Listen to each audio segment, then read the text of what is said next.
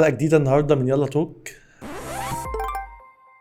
آه معانا دكتور إسماعيل. آه دكتور إسماعيل هو شخصية ميكس كده من حاجات كتير حلوة مع بعضها. مش هنحرقها دلوقتي هنتكلم فيها في الحلقة. بس خلينا نقول للدكتور الأول عامل إيه يا دكتور؟ الحمد لله. ازي حضرتك يا باشمهندس؟ الحمد لله تمام. طمني عليك. الحمد لله تمام. والله بخير. مين دكتور إسماعيل صبري؟ ما مش م- مش مين دكتور إسماعيل ولا حاجة. أنا إسماعيل صابر عادي. أنا خريج بايوتكنولوجيا جامعة بنها. آه، قسم وراثة وهندسة وراثية. دفعة 18 وبس ما أقدرش أقول إن ليا لاين معين إن أنا بقيت في حاجة كبيرة ودكتور إسماعيل و- لا مفيش الكلام ده خالص. لسه لحد دلوقتي آه، باحث إحنا هنتكلم عن الجزء ده بس خلينا نبتدي من بدري شوية. يعني ثانوية عامة مثلا بما إن إحنا في شباب كتير ممكن تكون بتشوف ال- الحلقة دي أو الحلقات تمام. بتاعتها بتاعتنا عامة في السن ده. إيه اللي كان مميز أو إيه التجربة بتاعتك في ثانوية عامة؟ والله أنا كنت لحد إعدادي زي زي بقية أغلب ال- الأطفال الصغيرين كنت متفوق جدا في دراستي. بس حصل طفرة نوعية بشكل كبير جدا لما دخلت ثانوي عام. ثانوي عام مرحلة محتاجة أكتر من كونها متابعة دراسية هي محتاجة متابعة لل للشاب نفسه اللي بيدرس. الطفرة دي أدت إن بقى في دروب كبير جدا في حياتي بشكل عام. فمن سنة أولى أو تانية حصل نزول في مستوايا لكذا سبب. أسباب اجتماعية وأسباب آه، من الصحبة وأسباب من تغير ال- الجو اللي أنا كنت فيه. فما قدرتش إن أنا أجيب آه، ال- الحاجة اللي كنت بحلم بيها. اللي هي إيه؟ اللي هي أنا كنت مثلا ساعتها كانت أول سنة لجامعة زويل. فكنت الموضوع كان شاغلني جدا. حتى كنت آه، بعت لهم كده حاجتين اختراع. كان كان إيه حاجات بسيطة قوي كده. على قد تفكيرنا في الوقت ده. ف وكنت مبهور وإن كان ده حلم حياتي إن أنا أدخل جامعة زي جامعة زويل. في تخصص أنا شايف بحب يعني آه، مجال الفيزيكس والرياضة بشكل عام. حتى أنا كنت في فترة الثانوي بحضر آه، تنسور في جامعة الدكتور مصطفى محمود الله يرحمه. فجمعيه الدكتور مصطفى محمود اللي في المهندسين. فكنت بحضر فيها حاجات متقدمة عن آه، عن عن المحتوى الدراسي اللي كنت بدرسه بشكل كبير جدا. تمام؟ فلما حصل ال drop ده ما قدرتش إن أنا أجيب مجموع كبير. فدخلت ال دخلت ال biotechnology ال biotechnology وفرت لي آه، بيئة يعني بيئه فيها شيء من البحث العلمي القوي تمام؟ وفيها مجال معرفي كويس جدا بس مش موافق للرغبات بتاعتي. وأنا برضو أنا مش هكذب عليك أنا اخترت المجال ده بنفسي. ليه؟ لأنه هيقدر يوفر لي زي برضو تفكير أغلب الشباب في الوقت ده أكبر قدر من الفرص آه، من ناحية سوق العمل. إيه اللي هيجيب شغل أكتر؟ آه يعني أنا مثلا خلاص أنت راجل biotechnology يعني آه، هت- هتخش في شركات الأدوية هتخش في معامل التحاليل هتخش في المصانع آه، من ناحية الجودة وال control والحاجات اللي زي كده. فالتفكير ده هو اللي كنت بفكر في الوقت ده. فدخلت وبالفعل أنا خلصت مثلا خلصت آه، الكلية دخلت الجيش خرجت اشتغلت في واحد من أكبر المعامل في البلد. بعد كده بقى الحمد لله يعني بقى ليا بزنسي البسيط الصغير.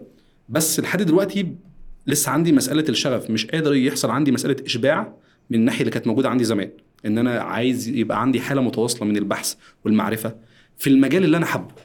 هو المجال اللي أنا حابه ده يعني برضه ده بيبقى سؤال دايما الشباب بيسالوه لنفسهم تمام. المجال اللي أنا حابه ده هل هو اللي أنا حابه دلوقتي؟ وإن كان أنا لسه مش عارف عنه تفاصيل كتير ولا هو المجال اللي أنا حاسس إن هو ممكن يبقى فيه فرص كويسة؟ لا هو ال- المجال اللي أنت بتحبه ملوش علاقة بالفرص.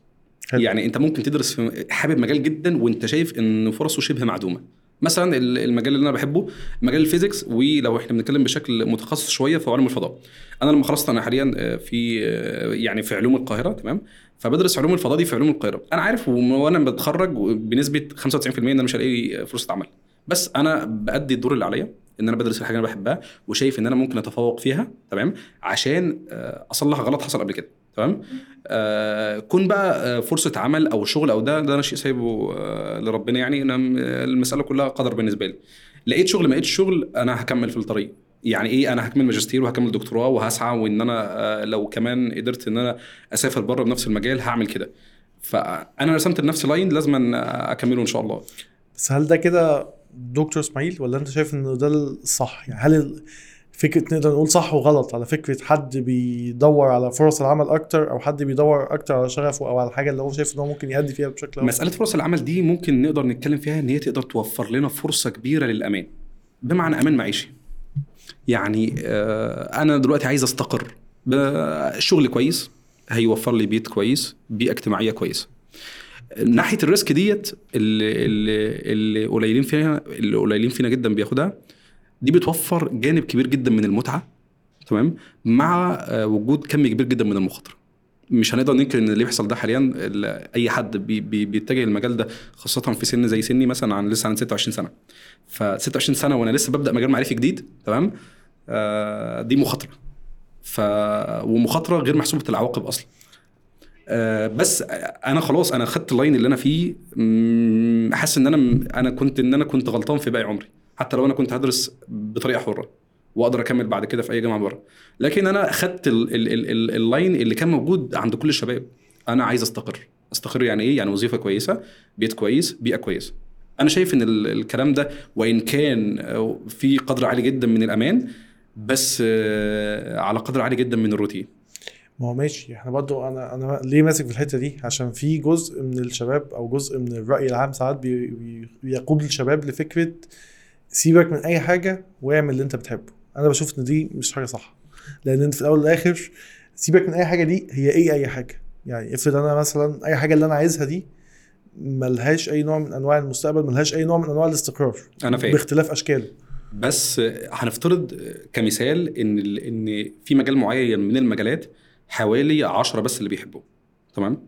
المجال ده لو أنت قلت لهم يا جماعة المجال ملوش أصلا فرص عمل وال10 دول سيبوهم أنت حاليا مش محتاج المجال ده. طب بعد 10 سنين انت تضمن إيه اللي ممكن يحصل؟ لا.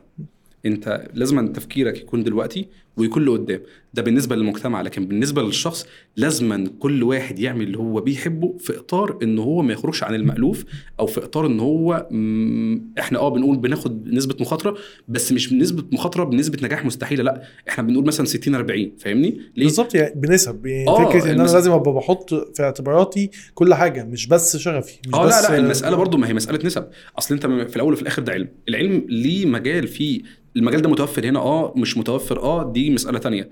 لكن إحنا بنتكلم إن في الأول وفي الآخر العلم لازم أن يكون في حد محتاجه طيب أنت لو لو أنت فعلا درست اللي بتحبه خلينا نتكلم في المسألة دي.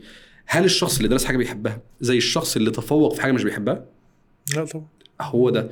اللي تفوق بحاجة بيحبها هيكون في إطار اللي درسه بس حد قوي. لكن اللي تر... اللي درس حاجة هو فعلا بيحبها جدا هيكون عنده شيء عالي جدا من الابتكار والإبداع مش موجود عند الشخص النمطي. حتى وإن كان الشخص النمطي ده متفوق. يعني ده بنقدر نلمسه جدا في دكاترة الجامعات اللي هو إيه آه حافظ كويس جدا وده عنده آه، قابلية قوية جدا للتدريس بس ما عندوش قابلية لابتكار طرق التدريس وابتكار طرق آه، توصيل المعلومات للطلبة وهكذا. فده الفرق بين اللي بيحب شيء وإن اللي وإن أنا بتفوق فيه لمجرد أنا خلاص دخلت في لاين لازم لازم أتفوق فيه.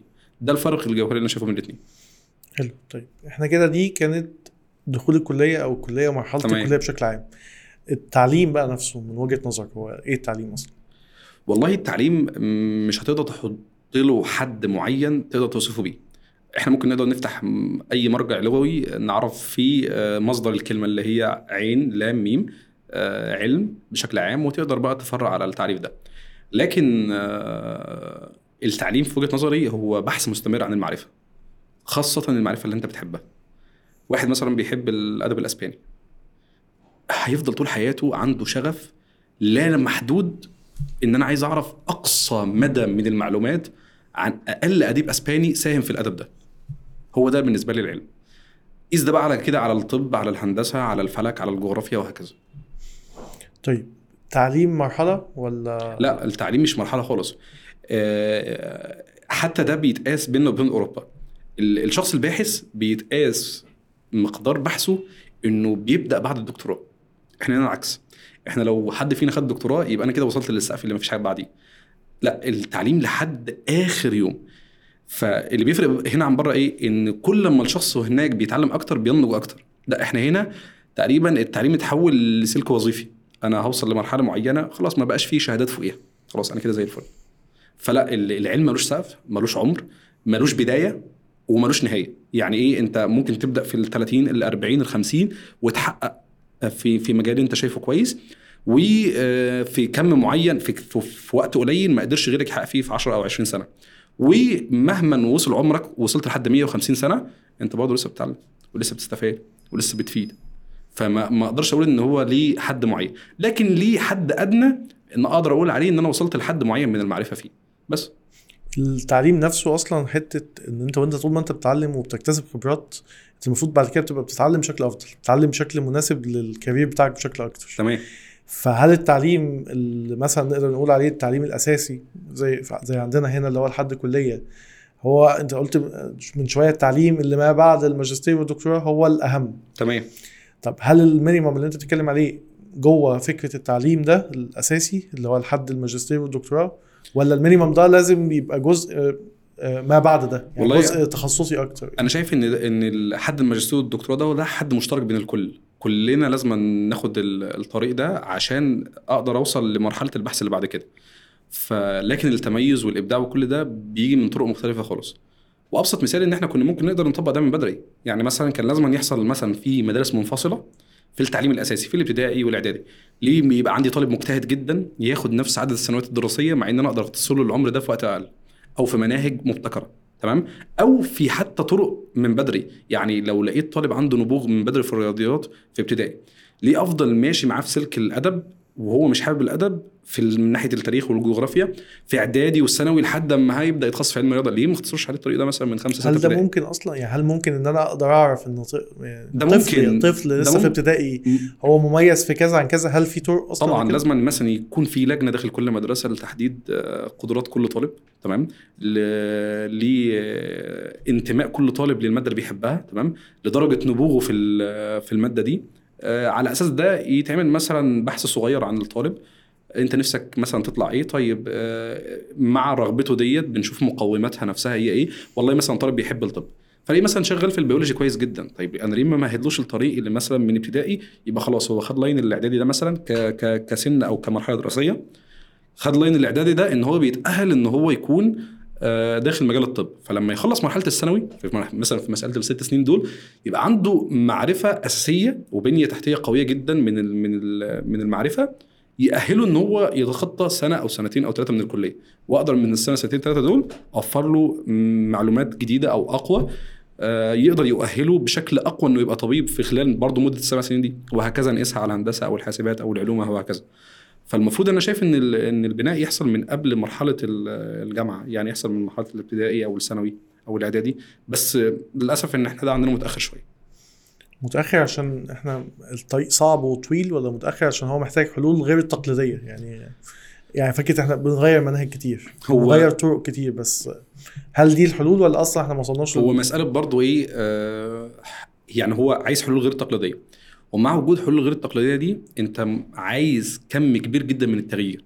يعني إحنا لو هنقول مثلا إن إحنا عندنا في حدود 20 مليون طالب في المرحلة الأساسية تخيل أنت عايز تفرز ال 20 مليون طالب دول تطلع منهم مثلا مليون متفوقين جدا آه، 5 مليون عندهم نسبة عالية من الذكاء آه، مثلا 6 مليون عندهم قدر عالي من من الفهم بس ما وصلش للقدرة العالية دي من الذكاء والطلب المتوسط والطالب المحدود الفهم فعشان تقدر تقسم التقسيمات دي كلها في المرحلة الأساسية ده مشروع عمر فاهمني؟ وغير بخلاف إنه مشروع عمر مشروع مكلف جدا جدا جدا لأبعد الحدود. بس مع وجود العقبات دي لازم نحط خطة إن ده لازم يحصل. يعني المفروض إن ده يحصل يحصل سواء دلوقتي أو سواء السنة الجاية أو السنة اللي بعدها بس لازم يكون عندي خطة إن ده لازم يحصل. ما ينفعش إن ده ما يحصلش. لو أنا عايز إن التعليم يبقى فيهم يبقى ينافس حاجات قوية زي مثلا التعليم الياباني أو الألماني أو أو هكذا يعني. هي المشكلة دايما بشوف في الحتة دي إن التغيير اللي زي ده بيتطلب قرار أكبر من قرارات ال- اللي هي اللي ممكن تتاخد مثلا من وزير أو من حاجة زي كده لأن هو لما هعمل حاجة هتقعد 10 12 سنة تمام. ده قرار جريء مش أي حد هيقدر ياخده لأن أنا مش هقدر أصلا ابقى أنا نفسي اللي بجني ثمار هو آه هي المشكلة فعلا في مرحلة جني الثمره أنت مش هتشوفه. بالظبط. أنت ولا ممكن الجيل الجاي برضه صعب يبقى يشوف. فأنت المفروض إن أنت جايب السلم من تحت قوي. آه في في في حاجات دلوقتي بتحصل إن أنا بحاول إن أنا أطورها من تحت. بس مش شايفها إن هي بالقوة الكافية إن هي تقدر تؤهل يعني جيل كامل من الناحية اللي إحنا بنتكلم عليها دي. هو المشكلة أصلا عند الإدارة أو عند الناس اللي بتعمل كده ولا فينا إحنا؟ بحس ساعات مشكلة إن الناس أصلا مش هتتقبل تغيير. عارف أنت إيه الثانوية العامة اللي بقى لها 20 سنة؟ أنتوا جايين تغيروها دلوقتي؟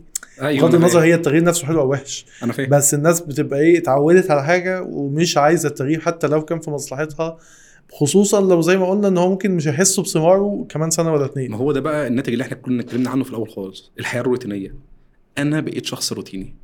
قراراتي بقت روتينية. آه، اختياراتي بقت روتينية. حياتي بقت روتينية وعايز أنقل ده للجيل اللي بعدي.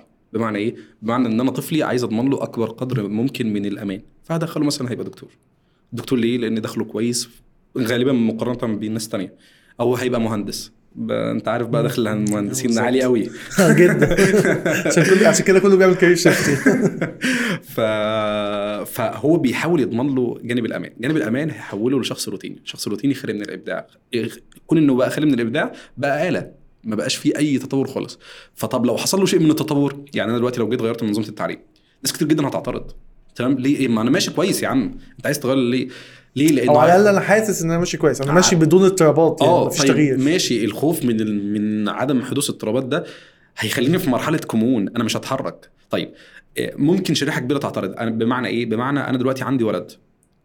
في مرحلة الغربلة اللي إحنا كنا اتكلمنا عليها دي الولد طلع محدود الذكاء. فبدل ما أنا المفروض إن أنا أدرسه في 12 سنة عشان يوصل لل- للمرحلة الجامعية لا محتاج 15 سنة.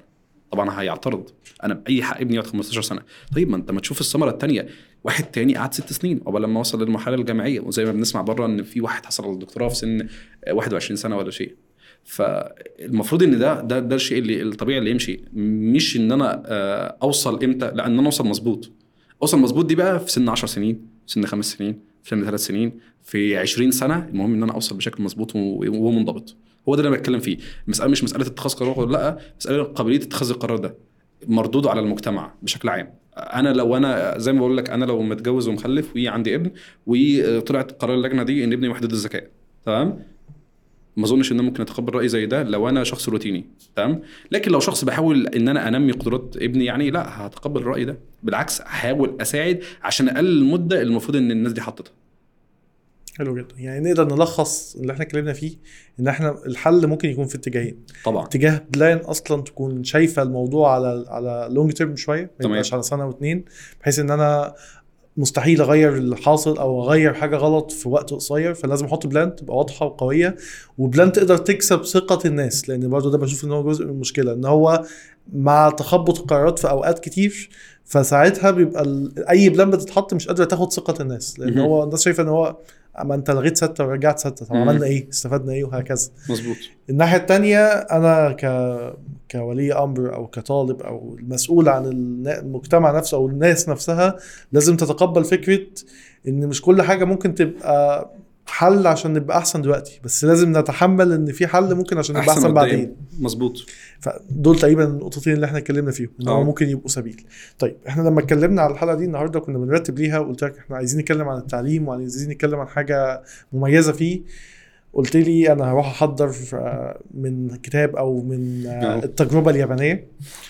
آه ودكتور يعني من الناس اللي دايما لما باجي أقول له عايزين نعمل أي حاجة فلاقيه بيقول لي أنا هروح أحضر ليه وباخد منه الحتة دي أصلا كنوع من أنواع ال- يعني من الحاجات اللي جذبتني جدا ليه فكرة إن هو لأ هو هو مهما أنا عندي علم أو قريت في الموضوع مفيش حاجة اسمها إن أنا خلاص هاجي أتكلم كده وخلاص طالما هاجي أقول كلمة فأنا هحضر ليها عشان أقول أقولها بأفضل شكل ممكن. آه، دكتور جاب الكتاب آه، هو كتاب اسمه التجربة اليابانية دراسة في أسس النموذج النهضوي.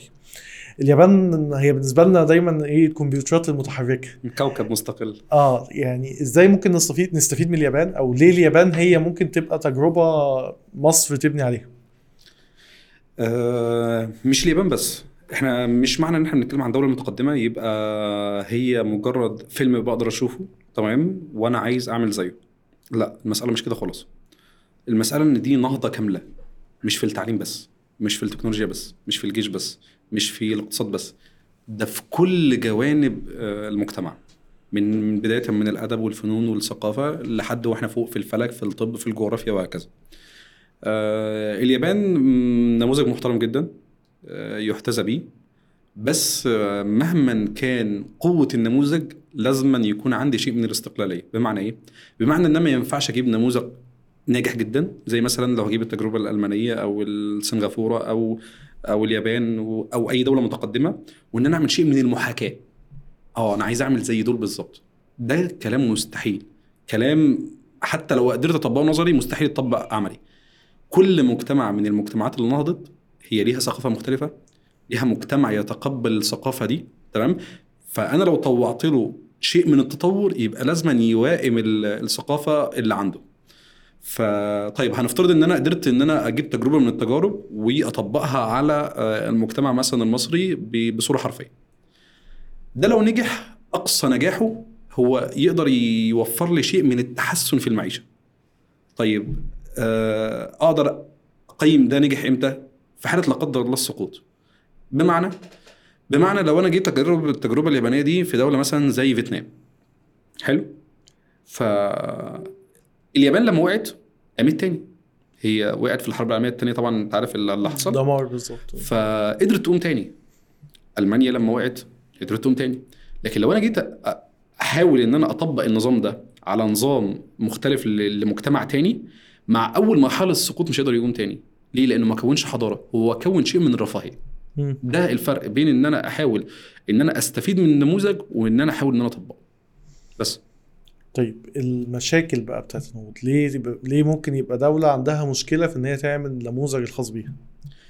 آه، كل دولة ليها آه، مميزات في تجربة النهضة وليها عيوب. يعني مثلا ليه آه، السؤال اللي كنا ممكن نقدر نسأله ليه مثلا دولة زي اليابان نهضت؟ ودولة زي مصر ما حصلهاش نفس النهضة مع إن مصر عندها المقومات أصلا اللي تقدر تقوم بها نهضة زي ما حصل قبل كده. ف لاسباب كتير. ممكن نقدر يعني نذكرها في كام نقطة. أهم حاجة مثلا الموقع. مصر طبعا موقعها. بس لا آه. يعني إحنا طول عمرنا بندرس مصر الموقع الجغرافي مميز ومصر ما هو كذا الموقع على قد تميزه على قد ما كان فيه عيب. يعني مصر تحس إن هي ماسكة ناصيه العالم تمام. أي حد معدي سلام عليكم. شوية آه. طبعا. فالإنجليز مثلا السلام عليكم لو سمحت أنا عندي مو... آه عندي مستعمرة في الهند فأنا عايز امنها فهستأذنك احتل لك شوية. نابليون متخانق مع الإنجليز فلو سمحت أنا آسف معلش أنا محتاج ديت عشان آه أحاول آه، أسيطر على آه طريق التجاره بتاع بريطانيا.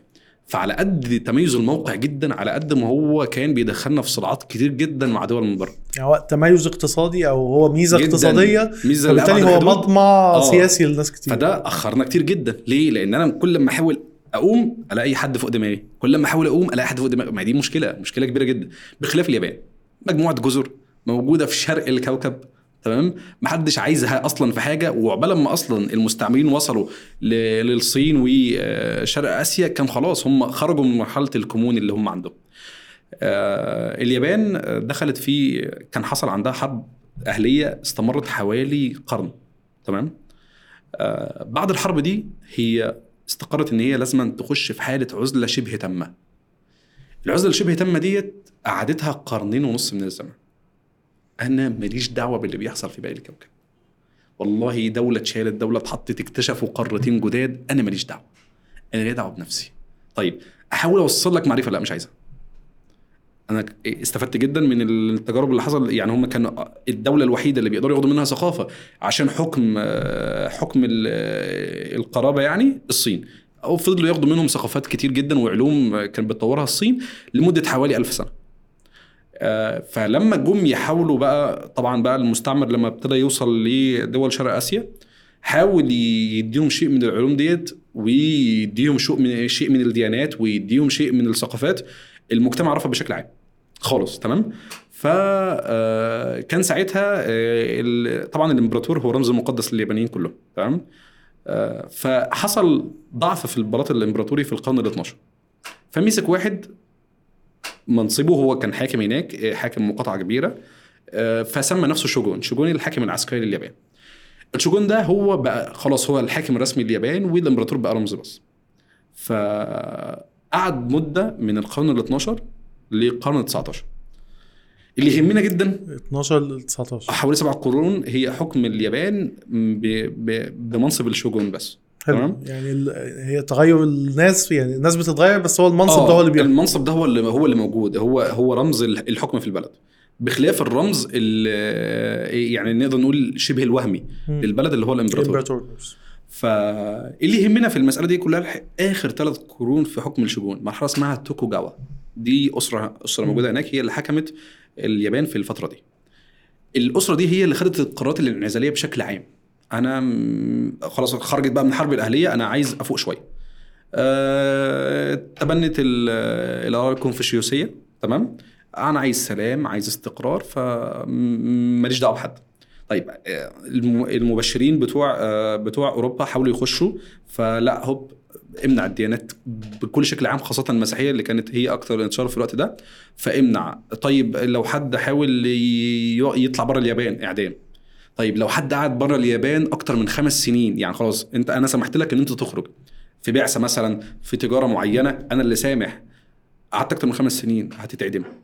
وممكن تتعدم انت واهلك كمان يقع عليهم الحجم ده. حاجة بس عشان مقارنة في الحتة دي ممكن أكيد الناس هتقارن بيها. هل ده ليه علاقة باللي بيحصل في كوريا الشمالية دلوقتي؟ لا لا لا لا عشان الناس هتحس إن هو نفس لا لا. لا لا لا. كوريا كوريا الشمالية والجنوبية هم شعب واحد. منفصل بقى. ده ليه نظام حكم رأسمالي مثلا وده نظام حكم اشتراكي. فما فما بقاش فيه يعني ما بقاش فيه ده خالص. لا قصدي حتة اللي هو إيه هتتعدم مش هتيجي هتتعدم. هت- هتتعدم وخلاص.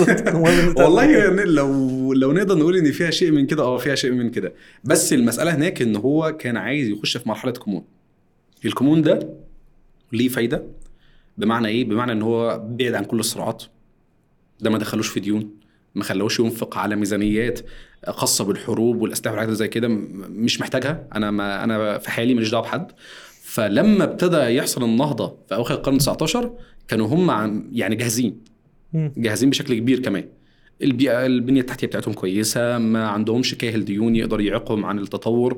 آه المجتمع متماسك جدا لأبعد الحدود تمام؟ والمجتمع عنده قابلية للتطور أكبر الحدود. فبقى زي ما نقول إيه كده المسألة جهزت لهم لحد ما جه الإمبراطور الميجي هو اللي قاد ال- الثورة الحضارية عندهم. آه، طبعا في الفترة ديت خلاص بقى حكم الشجون اتلغى. آخر واحد من الشجون. خلاص هو سلم الأمر للإمبراطور الميجي وبعد كده هو اللي مسك مسألة نهضة اليابان. ودخلت اليابان بقى في في النهضة الحديثة. يعني إيه؟ ما نقدرش نقول إن بداية النهضة كانت عند مرحلة الإمبراطور الميجي اللي هو إيه؟ اللي هو اللي قاد النهضة دي. لا بداية النهضة الحقيقية كانت في مرحلة الكمون مرحلة. الاستقرار مرحلة إن أنا ما عنديش أي أعباء أو ما عنديش أي تكاليف. تمام؟ أنا آه، موردي بوظفها على قد اللي موجود وخلاص. حتى آه، الإرساليات الأجنبية لما كانوا حتى بيحاولوا الأجانب إن هم آه، يتواصلوا معاهم من الناحية التجارية أو من الناحية التعليمية أو شيء كان هم رافضين تماما للكلام ده. يعني الوحيد اللي, اللي حصل لهم شيء من التقارب كانت بعثة تجارية هولندية استقرت آه، قرب من ناجازاكي. تمام؟ هم دول اللي ابتدى يتسرب من عندهم شيء من المعارف الأوروبية تمام؟ فلحتى لحد ما نيجي قبل عصر ميجي بقى في حوالي 47 معهد بالدراسه باللغة الهولندية بس. ليه؟ لأن هم دول المصدر الغربي الوحيد اللي متوفر تمام؟ غير كده ما كانش متوفر. فابتدوا يترجموا من الكتب الهولندية للكتب اليابانية تمام؟ فلما استقبلوا هم المعارف الهولندية ديت لقوا في آه، تباين كبير جدا بين اللي موجود من من الناحية العلمية الصينية اللي هم أصلا كانوا ما بياخدوش غير من عندها وال آه، والناحيه الحاجة الهولنديه الأوروبية أو الهولندية. ف- ف- ففي تباين كبير جدا في علم الفلك مثلا في علم الطب.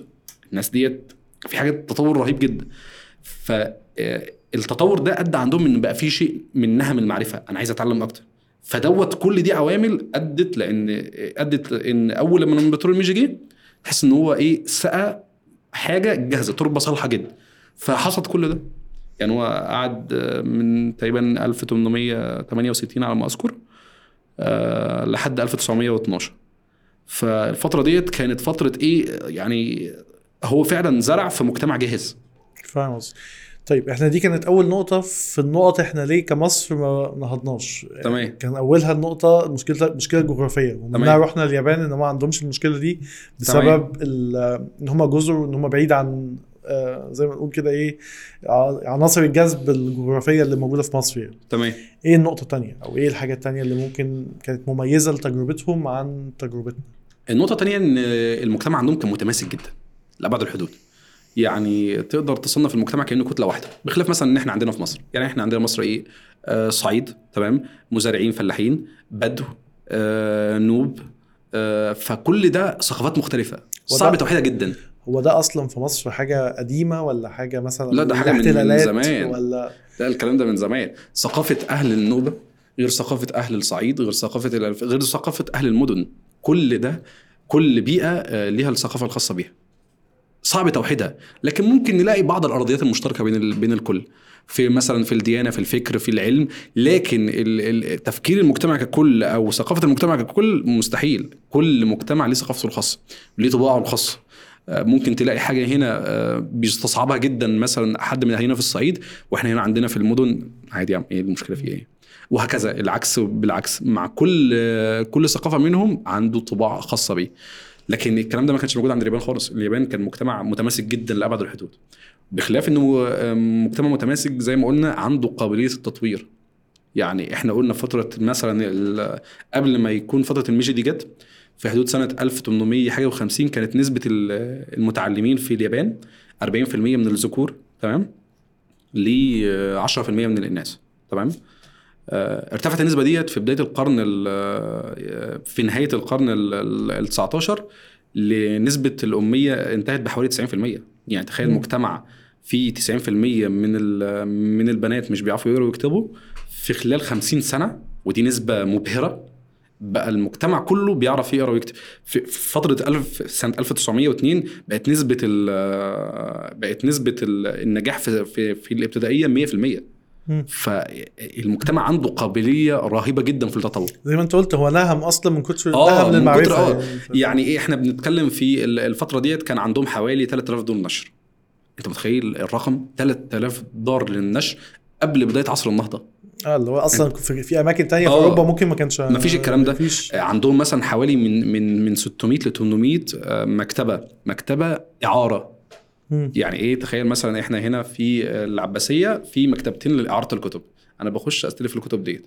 مكتبتين مثلا في مصر الجديدة وهكذا. فكم رهيب جدا من الكتب. في ظل إن ساعتها كانت الأمية كام؟ إحنا قلنا 60% 60% للذكور و90% للناس. للاناث فالجزء اللي بيعرف يقرأ ويكتب كان عنده نهم كبير جدا. أنا آسف. الجزء اللي بيعرف يقرأ ويكتب كان عنده نهم كبير جدا للمعرفة. آه، فكل ده لما لما جه بقى الميجي وفرض إلزامية التعليم ده بقى فرق معاهم جدا. فرق معاهم جدا بشكل كبير. حتى كانت في ناس زي ما قلنا يعني زي ما اتكلمنا في أول حلقة في ناس كانت رافضة جدا آه، الزاميه التعليم. أنا أنت هتعلم يعني هتعلم ولادي. هستفيد إيه من التعليم هستفاد إيه من التعليم؟ زي ما وأنت هتحرمني من ايدي عامله كتير. أنا ولادي دول بستفيد منهم إن هم مثلا بيزرعوا معايا تمام؟ أنت هتاخدهم مني ليه؟ طبعا التعليم هيبقى مكلف شوية. ليه؟ لأنه هو آه وإن كان مش مش شامل التكلفة بالكامل بس ده هيفرض عليا ضريبة إن أنا إيه بساهم في بناء تعليم و... و... ومدارس وجامعات وهكذا. فالكلام ده بقى, بقى حمل شوية على على المجتمع الياباني. ففي شريحة كبيرة جدا كانت رافضة ال... ال- التطور اللي كان حصل ده من ناحية التعليم. بس في الأول وفي الآخر النتيجة بقت إيه؟ بقت إن هم مجتمع آه، الكل بيبص له بنظرة إن إحنا يا ريت نبقى نوصل زيه دي النقطة التانية. اتكلمنا فكرة إن هو فكرة إن هو هما الناس طبيعها أو فكرها قريب من بعض فقدر يوصل لهم أو يقدر تقدر طبعاً. النهضة توصل لهم طبعاً. كلهم بشكل أسرع. طبعا. طيب النقطة التالتة. النقطة الثالثه قلة الحروب اللي حصلت عنده. تمام؟ يعني فتره 300 سنة دول إحنا لو جينا بصينا هنا في مصر إيه اللي حصل؟ يعني إحنا كان. كان عصر المماليك. يعني خلينا في اخر يعني خلينا في قبل ما الميجي بس يمسك ب 50 سنة. إيه اللي حصل؟ كان المماليك جه بعدهم محمد علي جه بعدهم حملة فريزر آه قبل كل ده الحملة الفرنسية تمام؟ بعد كده الاحتلال الإنجليزي تمام؟ بعد كده هوب خلاص خلصنا الاحتلال الإنجليزي قعد 70 سنة نخلص منه هوب ال- ال- العدوان الثلاثي هوب. ال 67 67 فكميه تراكمات أنا مش لاحق أفوق. ولحد دلوقتي؟ أنت آه. في نفس الصراعات آه باختلاف فأنا مش عارف مش عارف آه باختلاف أيوه باختلاف باختلاف ال- الصور. إحنا لسه في صراعات لحد دلوقتي. طب أنا مش عارف أعمل إيه؟ مش عارف أطلع من ال- البؤرة اللي أنا قاعد فيها. فهو لما قعد 300 سنة أنا ما عنديش الكلام ده خالص. واحد مثلها بواحد مثلا في بيت كل واحد آه، كل يوم واحد يهد له حيطه وأنا مضطر إن أنا أبنيها. ويهد وأنا أبنيها. ويهد وأنا أبنيها. بخلاف واحد تاني عندي الحيطة راح قام مشطبها. راح جايب لها آه ديكور آه ديكور. كويس. راح جايب لها برواز كويس. ما هو أصلا ده لما يجي يبيع شقته عشان ينقل لشقة أفضل هتجيب له سعر كويس جدا. لكن أنا لحد دلوقتي مش عارف أحط أحط مش عارف أحط طوبة في الجدار اللي عادي يتهدم كل شوية. فدوت آه، كان سبب موفر لهم نسبة عالية جدا لما تؤهلني إن أنا لما أخش النهضة ما يبقاش عندي أي تكاليف. ودي كنا لمحنا لها لمحة بسيطة كده في الأول. إن أنا معليش أي مثلا ديون ديون خالص. طيب أنا في مرحلة سلام إيه اللي هيخليني أصلا أصرف كم كبير جدا جدا جدا على الإنفاق في في, في الناحية العسكرية؟ ليه؟ لأنه ما مثلا ما يعني ال- ال- الحملة الوحيدة اللي طلعها كان مطلعها على الصين وكوريا استفاد منها إن هو ما يعملش كده تاني. يعني مقدار الاستفادة بعد ما اتعلم من شوية من من البرتغاليين اتعلم من البرتغاليين آه، تصنيع السلاح بس. ما خدش من البرتغال غير تصنيع السلاح. فلما لما قدروا يتعلموا تصنيع السلاح من البرتغاليين بشكل معين لأن هم كان عندهم ثقافتهم شوية في في في تصنيع السلاح وحروب الساموراي آه، عمل حملة مقدار كانت حوالي 150 ألف آه، عسكري على كوريا واليابان آه، كوريا والصين. الحملة طبعا فشلت اتعلم إن أنا ما أعملش كده تاني. لحد ما بقى خلاص بقى عنده نهضة وجيش قوي جدا وبنية اقتصادية قوية جدا اتجر غصبا عنه الحرب العالمية الأولى والحرب العالمية الثانية وحصل اللي إحنا كلنا عارفينه. طيب النقطة الثالثة إحنا قلنا قلة المشاكل وقلة. الحروب وقلة كذا. أنا بحاول ألخص برضو الموضوع في كل جملة عشان الناس تبقى متابعة معانا على قد ما نقدر طيب النقطة الرابعة كانت إيه؟ يعني والله النقطة الرابعة هي زي ما قلنا هي هتلاقيها داخلة داخلة ضمنا من الثلاث نقط اللي إحنا قلناها. إن هم كان عندهم رؤية بدري شوية عن عن الناس. بحيث إن إيه- بحيث إيه؟ أنا بدأت بدري عن غيري. يعني مثلا لما بدأت النهضة في محمد علي هو بدأ سنة 1805 تمام؟ آه بس ما لحقش يقدر يستمر في النهضة بتاعته. فلحد سنة 1842 آه لما مات ابتدت بقى بعد كده صراعات كتير تحصل ما لحقش يعني ما لحقتش تستمر. بخلاف هم هم كان عندهم الرؤية ديت وعندهم الاستمرارية. فالاستمرارية ديت هي اللي حققت الطفرة بتاعت النجاح بتاعتهم فنقدر نقول الرؤية ال- الرؤية وفي نفس الوقت إن هم خدوا قرارات النهضه دي بدري شوية. طيب التجربة اليابانية بشكل عام إحنا قلنا في الأول إن هي ممكن ما تمشيش يعني ما فيش تجربة واحدة ممكن تمشي على بلد زي مصر بس ممكن إزاي نستفيد منها بشكل ملخص بقى؟ يعني يعني هل في حلول بشكل مباشر من اللي حصل عندهم ينفع تحصل عندنا؟ اليابان لما حصل عندها انفتاح في عصر الميجي قدرت تستفيد من كل التجارب وتوظفه في اللي بيناسب ثقافتها هي. يعني ما نقلتش نقل محض. من التجارب. يعني إحنا قلنا في الأول إن هم اتعلموا بس من الهولنديين والبرتغال كان مقتصر إن الدولة بتعلم منهم تصنيع السلاح بس. لكن لما حصل انفتاح في عصر الميجي وابتدت ترجمة لعدد مهول تمام آه، من الكتب من مختلف الثقافات حصل عندهم إن ستوب لازم أنا أقف عند حد معين. أنا إيه اللي أنا عايز أوصل له من الكتب دي؟ أنا عايز أوصل لتنمية مجتمع. طيب تنمية المجتمع ديت بيناسب ثقافتي أنا. فمش ببقى مجرد ناقل لا أنا بنقل لك اللي بيفيدك بس. بنقل لك اللي يناسب مجتمعك انت بس. فما بقاش ما بقوش لمجرد ان هو إيه آه أنا آسف نحال بينحل الكلام زي ما هو. لا بقى عنده شيء آه ينقل اللي يستفاد منه واللي بيستفاد منه ده بقى بيقدر يطوعه ويبتكر. فما ينفعش أنا لما أجي أذكر تجربة آه، في التعليم زي التجربة اليابانية أتكلم عن آه، إن أنا هاخد التجربة اليابانية مثلا. هنفترض إن اليابان جت الصبح وقالت يا جماعة المرحلة الابتدائية ثلاث سنين بس. مش هيناسبني أنا أصلا. ما عنديش أصلا البنية التحتية التعليمية إن هي تناسب ده. فنفترض إن المانيا الصبح جت قالت أنا لغيت المرحله الابتدائيه تمام؟ وخليت من ابتدائي لثانوي ما فيش امتحانات كمثال يعني. فأنا مش هيناسبني. أنا باخد اللي بيناسبني وأحطه لمجتمعي وبعد كده أشوف الثمره بتاعته إيه. لكن لو أنا خدت تجربة زي ما هي بالظبط مش هنجح. ولو نجحت يبقى زي ما قلنا في الأول إن هي هتوفر لك آه، حياة كريمة شوية بس مش هتقدر توفر لك نهضه طيب هنا حد برضه هيقول لك طيب الكلام ده ممكن التجربة دي كانت بتاعت اليابان في وقت غير الوقت. يعني إحنا طبيعي إن مع تطور الوقت بيتغير الحلول أو بيتغير الحاجات اللي ممكن تحصل. تمام. هل أنا ممكن دلوقتي أصلا بلد تنعزل خالص عن العالم كله؟ هل ده ممكن أصلا؟ يعني لا دلوقتي لا. دلوقتي لا هو زمان كان قادر يعمل كده. أو إن أنت تبقى زي كوريا الشمالية. وإحنا مش حابين كده عشان كده. بتكلم لأن هو هيقول لك طب ما هو لو ممكن طب ما يبقى ليه بقى إحنا ساعات ناس بتحكم على نمو- نموذج كوريا الشمالية إن هو ديكتاتور وي وي وي وي. طب ما ممكن يكون الراجل بيعمل حاجة صح يعني. لا إحنا مش شايفين مردود ده على على المجتمع عنده. يعني إحنا لو اتكلمنا مثلا إحنا كنا نقدر في عصر الميجي نذكر مثلا علماء كبير في مسألة في مجال الطب وفي مجال الفلك وفي مجال الجغرافيا وي وي وي. لكن هل نقدر نعمل كده في كوريا الشمالية؟ لا. أنا يعني هم هم في مرحلة هم عزلة من من بداية الحرب الكورية. فإحنا بنتكلم في سكة 50 60 سنة الدولة أنا مش شايف لها أي مش شايف لها أي تصدير خالص من الناحية المعرفية. تقدر انت سمعت قبل كده عن عن حاجات معرفية هم صدروها للعالم هو أصلا أنت ما بتسمعش عنهم حاجات كتير ما. حاجة أصلاً، آه. اللي هو يعني ودايما بتسمع حاجات تضحك كده اللي هو آه. هو أصلا هم نفسهم جوه يعني يعرفوا عايشين حقيقة غير اللي إحنا عايشينها أيوه هم مش عايشين عارف في كوكب كوريا تاني الشمالية كسبت كأس العالم آه. ومش عارف إيه حاجات زي كده فهم في كوكب تاني خالص آه لا الكلام مسألة ال ال الانعزال والكمون دلوقتي مستحيلة مش مسألة صعبة مسألة مستحيلة. بس مسألة إن أنا أقدر بقى أشوف التجارب اللي نجحت وأحاول إن أنا أستفيد منها وأعمل مثلا زي ما بنقول ميكس مثلا وأقدر أطبقها هنا. مين من التجارب الحديثة اللي تقدر تقول إن هي قابلة للتحقيق أو يعني شبهنا شوية؟ لو بنتكلم في مثلا في آه، تجربة شاملة تمام؟ فلازم نبص في التجارب اللي نجحت في آخر 50 سنة تمام؟ يعني مثلا زي مثلا تجربة البرازيل مع لودا سيلفا.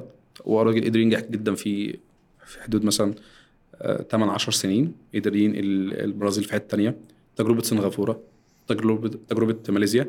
لكن جوه التجارب دي ده ده شكل عام. لازم أنا أشوف ده نجح في إيه وازاي يعني مثلا ده مثلا كان عنده ديون عالية أسقطها إزاي؟ ده كان عنده نسبة الأمية عالية حلها إزاي؟ فلازم أنا أشوف كل تجربة من ديت وأحاول إن أنا أطوعها وأستفيد منها بقدر الإمكان. ال- بحس دايما. أو دايما بقارن في مصر ما بين مصر وما بين الهند.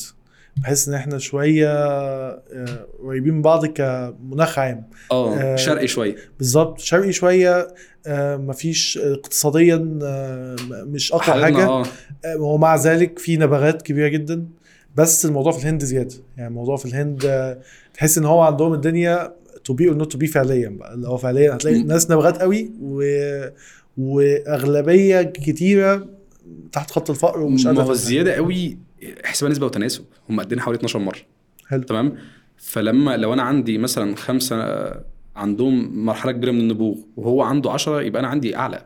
فاهمني؟ حلو. نسبه بالظبط ف... لعددك يعني. إحنا دي عندنا الطبع الشرقي بشكل عام لو توفر له بيئة مناسبة ومناخ مناسب للتطور هيتطور بشكل رهيب إحنا مش متخيلينه أصلا. كنت سمعت مرة حد اتكلم على الهند أو على حاجة الهند ابتدت تعملها بس مش متأكد منها بصراحة كمعلومة إن هو برضو بسبب العدد الكبير بسبب المشاكل الاقتصادية بسبب, بسبب الحاجات اللي زي كده ابتدى يقول أو ابتدى يعني خلاص يبتدوا يعملوا تجارب إن أنا مش هقدر إن أنا أغير الهند بشكل كامل. فأنا هروح على spots معينة وأبتدي أخدها وأبتدي أطور ال spots دي وال spots دي بقى هي تأثر في بقية البلد أو تأثر في بقية الناس. هو أنا ما عنديش علم بالمعلومه أنا بتكلم بقى ك concept نفسه. بس هل ده هي فكرة يعني فكرة من الأفكار اللي تدرس فاهمني؟ هلا مش هقدر أجيب مش هقدر أطور يعني أطور المجتمع بشكل عام فاقدر أطور حاجات منه؟ برضه فكرة. بس برضه لازم أن يكون عندي line آه، على المدى البعيد إن أنا عايز أبقى مثلا في في في في في في مجموعة العشر الكبار في خلال مثلا 30 سنة. يبقى أنا لازم أحط lines كده أمشي عليها إن أنا في خلال ال 30 سنة مثلا الجايين يبقى أنا بقيت في العشرة الكبار وهكذا. المفروض إن أنا يبقى عندي ال- الخطة اللي زي اللي, اللي, اللي تؤدي للنتيجة دي. طيب آخر سؤال في الحتة دي يعني إحنا في مصر هنا اتكلمنا في حاجات ممكن تكون وحشة أو تمام. ممكن تكون فيها مشاكل. تمام. بس أنا بشوف دايما إن لأ مصر فيها حاجات كتير قوي حلوة. يعني أكيد. إيه المميزات؟ إيه الحاجات اللي ممكن ناخدها ونبني عليها بمعنى أصح؟ أه الحاجات اللي إحنا نقدر ناخدها ونبني عليها السعي دايما إن أنا عايز أوصل لحل. حتى لو ممكن إيه ما نجحتش فيه هحاول أشوف حل تاني. يعني إيه؟ إن أنا مش بقف عند حل معين فشلت عنده وبقع. لا أنا دايما بعافر. عايز أوصل. طيب ما نجحتش في ال line ده. طب أشوف line تاني. طيب ما ال line ده ما بعد ما تعبت فيه وصرفت عليه كتير جدا ما نجحش. طيب أنا احاول أتدرج ده في في line تاني بشكل تاني في مدة تانية. المعافرة حلوة. إن أنا ما أقفش عند حد معين ده حلو خاصة إن أنت داخل في سباق الكوكب كله بيجري. أنت بتحاول تجري الدنيا بقت أسرع آه، كتير عن قبل أي وقت قبل كده. بكتير. تخيل بقى اللي بيجري ده هو عنده أهلية للجري. لكن أنا أصلا لسه بشتري كوتش وبشتري زي مناسب للرياضة واصلا معيش فلوسهم ف- لسه بخس. آه فبح... ف... آه اخس كمان. تمام؟ فكل دوت بحاول أعافر عشان أخ... السباق يعني ابتدى. أنا لا بحاول لسه أعافر. أنا بعافر عشان أشتري كوتش معين وزي معين رياضي زي ما أنت بتقول بخس و... ومواصلة عشان أروح أصلا الاستاد بتاع ال... بتاع الرياضة. فالمعافرة حلوة وهي اللي هتأدي. وخلي بالك أنا دايما دي كلمة بقولها حتى آه، عشان حتة إن هو أنت لو ما كنتش الأول ما تبقاش الأخير. طبعا. بمعنى إن أنت والله أنا الأول هو الأول. طيب أنا دلوقتي رقم 200 فمش قادر أبقى الأول. لا أنا لو كملت جري وكملت معافرة وكملت تعليم وكملت وكملت ممكن ما أبقاش الأول بس ممكن أبقى 100 وساعتها ابقى أكيد أحسن كتير هي برضه 200. مشكلة الأخير برضه إيه؟ مش مشكلة إن أنا الأخير مشكلة إن أنا ما عنديش قابلية للتقدم. لا لو أنا الأخير وعندي قابلية للتقدم أحسن من ال 150 لو إحنا في ظرف لو إحنا 200 واحد. وفي واحد 150 والأخير ده رقم 200 عنده قابلية للتقدم واحسن من 150 لأن ال- ال- اللي آه، عنده قابلية التقدم ده واللي بيسعى وبيعافر آه هيوصل هيوصل. ما وصلش دلوقتي هيوصل بعدين. لكن اللي عنده 150 ده لكن اللي ما عندوش قابلية التقدم دي أو اللي ما بيعافرش إن هو يتقدم هيقع هيقع الدكتور دايما يعني لو تشوف البوستات بتاعته على الفيسبوك هتلاقي تقدير كتير جدا لحتة الكتب لازم أروح آه. آه. لحتة الكتب الكتب بالنسبة لك هي إيه هل هي مصدر للتعليم فبالتالي هي مهمة ولا هي أنت بالنسبة لك آه، لا هي مصدر؟ معرفي عام يعني مفيش مفيش حتى لو هي كانت مصدر تعليم واحد كنت هتلاقي لون واحد لكن أغلب الكتب اللي عندي أو اللي عندي صحابي حتى آه، كلها متنوعة بشكل عام. يعني مثلا هتلاقي فيها مثلا تاريخ هتلاقي فيها علوم هتلاقي فيها آه، دين هتلاقي فيها كل حاجة. فما ينفعش اللي أنا شايفه إن ما ينفعش أصلا يكون في بيت ما فيهوش مكتبة. تمام؟ البيت لازم يكون فيه مكتبة. لو مش ليك لأولادك. لو مش لأولادك لأولادهم. فده الشيء الوحيد اللي حاسس إن ال ال الوراثة فيه مش واخدة حقها. يعني إحنا دايما بحاول كده إن أغلبنا بيحاول يبقى عنده شيء يورثه لأولاده آه، حاجات مادية. بمعنى إيه؟ آه، مثلا لو فلوس عربية بيت كويس لكن مستغرب جدا إن إحنا مستبعدين مسألة المكتبة دي. مسألة المكتبة ديت دي أهم شيء. تخيل أنت عقول عقول ال 1000 سنة أو ال 2000 سنة اللي فاتوا كلهم محطوطين قدامك في رف. ف... فالاستفادة من تجارب الناس دي اللي موجودة حاليا واللي قبل كده شيء مش مش مش هتقدر تحط له حد في ال- حد معين في الوصف. شيء أبعد من إن أنت تقدر توصفه. طيب الكتب آه، أنت بتشوف الكتاب قيمته في ال في التف... في الباكج على بعضها ولا في المعلومة؟ يعني في ناس بقى كده باجي أقول لها اقرأ كتاب أو يعني قرايتك للكتب دي هتنمي معرفتك زي ما أنت بتقول. يقول لي طب ما أنا ليه؟ طب ما أنا ممكن أروح أدور على الحاجة اللي أنا عايزها وأقراها أو أذاكرها أو ايا كان. الكتب بتنقسم لحاجات كتير جدا. في كتب بتبقى للبحث بس في الغالب. يعني مثلا لو هنتكلم عن عايز أعرف معنى لغة هجيب كتب من الكبيرة في في معاني الكلمات زي كتاب اسمه اللسان العربي ده كتاب حوالي 20 مجلد. فبفتح الكتاب آه أنا مظن الكلمة ديت مثلا في حرف الألف ألف ب ألف ب ت فبدور على هذا النسق تمام؟ في كتب بتبقى بحثية بحتة تمام؟ يعني واحد عامل كتاب زي ما زي مثلا ده زي التجربة اليابانية. قعد يدرس 10 سنين ويجيب المراجع الاجنبيه والمراجع المتوفرة باللغة العربية عشان يقدر يوفر لي بحث محترم جدا في مسألة معينة. وفي كتب بيدرس فيها علم كامل. يعني لو هنتكلم مثلا عن التاريخ فواحد مثلا كتب يجيب مثلا تاريخ من بداية الزمان لحد السنة اللي مات فيها المؤلف. في كتب يؤرخ مثلا لمرحلة زمنية معينة أو آه، لدوله معينة أو لحاكم معين تمام؟ آه، وهكذا. الكتب مش مش مش كلها بنفس النسق. مش في كتاب في كتاب أنا مش هعرف أقرأه. لا أنا ببحث فيه بس. مع إن المفروض إن أنا أقرأه. لو حتى لو ما فهمتوش المفروض إن أنا أقرأه. فاهمني؟ بس الكتب بتختلف من كتاب لكتاب. يعني لو كتاب آه، بحث بس أنا ببحث فيه فأنا مش ده مش ده مش ده المتوفر بالنسبة لي دلوقتي في القراءة.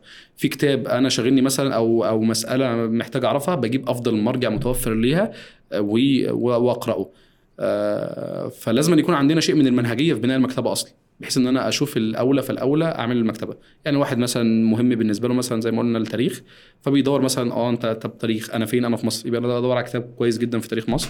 آه بعد كده مثلا آه في تاريخنا كمسلمين بعد كده في تاريخنا كعرب وهكذا. بمشي بال- بالنسق التاريخي لحد ما أوصل مثلا لتاريخ العالم. آه تاريخ آه، داخل تاريخ العالم في برضه نقاط معينة يعني مثلا تاريخ حروب معينة. تاريخ أقليات معينة آه، تاريخ حقبة معينة زمنية تمام؟ آه، وهكذا. فالكتب مش كلها على نفس اللاين اللي تقدر تمشي عليه. بكلامنا على حتة إن لازم أي حد يبقى عنده ورث في الكتب أو ورث في المعرفة. يعني أنا لو هنفترض هنفترض إن إحنا عايزين نرشح للناس مجموعة من الكتب أو مجموعة من المجلدات بقى ايا كان اللي ما ينفعش حد ما يكونش قراها. طيب هو عشان السؤال بس من غير تحضير. فالإجابة هتكون فيها شيء من العشوائية تمام؟ حلو. خاصة إن أنت ما قلتلناش حضر بقى مسألة عن. الكتب أو شيء من ده تمام؟ آه المكتبة المفروض إنها تنقسم لقسمين قسم علمي تمام؟ بيندرج تحتيه كل العلوم ال- المادية زي مثلا الرياضة والكيمياء والفيزياء وهكذا كل العلوم دي. وشق ديني بيندرج تحتيه القسم الأدبي وهكذا. تمام؟ خلينا الأول في الشق الملموس عشان أغلب مصادره عربية. تمام؟ آه الشق الديني. الشق الديني طبعا آه، أنا لازم يكون عندي قرآن في البيت. طيب القرآن لازم أفهمه. فلازم أجيب له كتاب تفسير صغير. أشهر الكتب التفاسير اللي موجودة في الدنيا دي كلها هو تفسير ابن كثير. فلو حد مبتدئ ممكن يجيب له مختصر من مختصراته. آه لو هو بالنسبة له صعب شوية يقدر يجيب كتاب اسمه التفسير الميسر. طيب آه التفسير بيوضح لي معنى الآية بس في حاجة تانية أنا ممكن أكون غافل عنها شوية يعني مثلا الآية دي نزلت ليه؟ أو الآية دي نزلت في مين؟ ففي كتب في أسباب النزول. طيب كتب أسباب النزول ديت كتيرة جدا وفي نفس الوقت جواها في صحيح وضعيف لأن ده دي روايات. طيب يبقى أنا أشوف حد بحث المسألة كويس وقدر يطلع لي بقدر محترم جدا من الصحيح. في كتاب مشهور اسمه الصحيح المسند من أسباب النزول. طيب آه، بخلاف ده الآيات بيبقى فيها معاني لطيفة جدا قالها علماء المسلمين في ال 1400 سنة دول. طيب يبقى شيء من التدبرات دي ال- ال- المنضبطة تمام؟ آه، صعب جدا حصرها في كل كتب التفاسير تمام؟ يعني أنت لو حصرت كتب التفاسير مثلا مئات المجلدات. فصعب جدا إن أنا عشان أدور على التدبر اللطيف في الم... في الآية ديت هيبقى صعب. في كتاب لطيف اسمه حصاد سبع سنوات من التدبر وبينزل له آه، بينزل له آه، تحديث بشكل سنوي. فده هيكفي شوية في باب التدبرات. في كتاب تاني اسمه الإجماع في التفسير. يعني معناه إيه؟ معناه الإجماع ده إن علماء المسلمين في اجتمعوا عليه بشكل- آه في ال 1400 سنة دول ما اختلفوش في تفسير الآية دي. تخيل كده يعني مثلا هي ما إيه؟ فيهاش نقاش بقى يعني ما فيش نقاش. دي المفروض إن أنت بتاخدها م- معناها ما, ما اتغيرش في ال 1400 سنة أو ما حدش اختلف فيه. فأشهر كتاب في المسألة دي كان اسمه كتاب الإجماع في التفسير. تمام؟ آه من ضمن الحاجات اللي اللي أنا المفروض إن أنا أكون ممهد لها. تمام؟ آه أصول في التفسير وكتاب علوم القرآن. علوم القرآن آه وأصول التفسير علمين متقاربين شوية. يعني ال- ال- المقصد فيهم الغايه إيه؟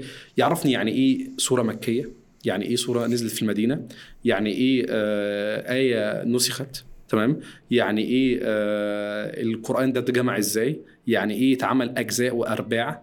يعني ترتيب الصور ده حصل إزاي؟ وهكذا بشكل عام تمام. فكتب علوم القرآن آه وأصول التفسير في كتاب اسمه الميسر في أصول التفسير والميسر في علوم القرآن. دول كتب سهلة جدا. ده فيما يخص القرآن. طيب نيجي للأحاديث. تمام؟ طبعا ال ال ال ال ال الأحاديث هي الشق الثاني اللي موجود في في الدين. فممكن يبقى كتاب صغير زي الأربعين النووية. تمام؟ أو أو كتاب آه، آه، أو كتاب عمدة الأحكام. كتاب اسمه عمدة الأحكام ده جمع الأحاديث الفقهية اللي موجودة في الصحيحين في صحيح البخاري وصحيح مسلم. آه، وفي شيء آه، من شروحهم يعني توضيح الأحكام في شرح عمدة الأحكام ده.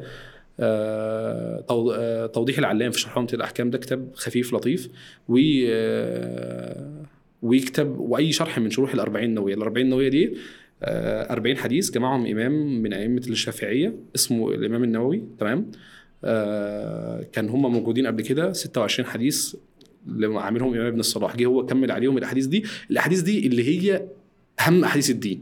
دي أعمدة الدين. برضه بتبقى هي المؤكدة؟ آه وهي مؤكدة كلها صحيحة. فمثلا يقول لك إيه؟ إنما الاعمال بالنيات. يبقى الإنسان لازما كل عمل هيعمله بنية. فاهمني؟ وهكذا بقى. ال 40 حديث دول كلهم. حاجة تقدر تبني عليها إن آه، واحد اتنين تلاتة يعني. بالظبط. طيب آه خلصنا الأحاديث بشكل مبسط. يبقى نخش في ال- الفقه. الفقه عبارة عن عبادات وعن معاملات. العبادات اللي هي إيه؟ الطهارة إزاي اتوضا وإيه، آه، وهكذا. آه، بعد كده نخش في الصلاة إزاي أصلي. بعد كده أخش في الزكاة إزاي لو عندي فلوس أو أعرف منين إذا كانت الفلوس دي ينفع عليها زكاة ولا لأ. بعد كده أخش في الصيام بعد كده أخش في الحج وكان قبلهم قبل كل ده الجنائز. تمام؟ فدي العبادات. المعاملات بقى البيع والشراء. ال- الأطعمة والأشربة اللباس والزينة وهكذا. فأنت بتدور على كتاب صغير في الفقه مثلا أشهر حاجة الفقه الميسر تمام؟ الفقه الميسر كتاب سهل خفيف آه، موجود مشروح على النت. آه، معاه بتحاول تشوف حاجة اسمها أصول فقه. يعني إيه أصول فقه؟ يعني إزاي لو أنا عندي حديث أقدر أقول إن الكلام ده حلال أو الكلام ده حرام تمام؟ يعني مثلا عندي حديث مثلا نهى النبي صلى الله عليه وسلم عن الشرب واقفا ولقيت النبي صلى الله عليه وسلم في حديث تاني يشرب واقف طب مش فاهم الكلام ده يحصل إزاي. فالعلم اصول الفقه ده اللي بيبقى بيخلي عند الشخص اللي بيطلب الفقه أهلية في الحكم. تمام؟ الحتة دي أنا معلش هخرجك بره الكتب بس الحتة دي عندي فيها سؤال مهم جدا. اتفضل. هو أي حد ينفع يقرأ الكتب دي وياخد عليها أحكام على لا نفسه طبعاً. أو على غيره؟ لا طبعا. ده ده كان حتة من النقاش يعني. كان حد واحد صاحبي بيقول لي قبل كده إن هو لا أنا قررت إن أنا مش هاخد كلام من شيوخ تمام هقرأ واللي هستوعبه وهفهمه هعمله طيب هو لو عنده غلط في الفكرة مين يقدر يوضح له إن دي غلط أصلا حلو ولو قرأ كتاب غلط مين هيقول له إن الكتاب اللي أنت قريته ده غلط قراءة كتاب غلط دي برضه هنا لازم هنا يبقى فاهم يعني عنده المينيمم زي ما نقول من الفهم لغة عربية بقى وأصول دين وهكذا عشان يقدر يفهم ده ولا واحد ممكن عادي مجرد إن. هو في للمعرفة. ويشوف. ما ينفعش لو أنا جبت مر... أهم مرجع طبي تمام؟ تاني يوم الصبح أقدر إن أنا أبقى جراح وأعمل عمليات. الدين علم زيه زي أي علم. لازما لما أقرأ فيه يبقى أقرأ بأهلية منضبطة. زي مثلا الكليات اللي موجودة كلية الشريعة وكليه أصول الدين وهكذا. ديت بتخرج واحد عنده أهلية الفتوى أو واحد عنده أهلية البحث وهكذا. فلما أجي أنا مثلا أروح الأزهر تمام؟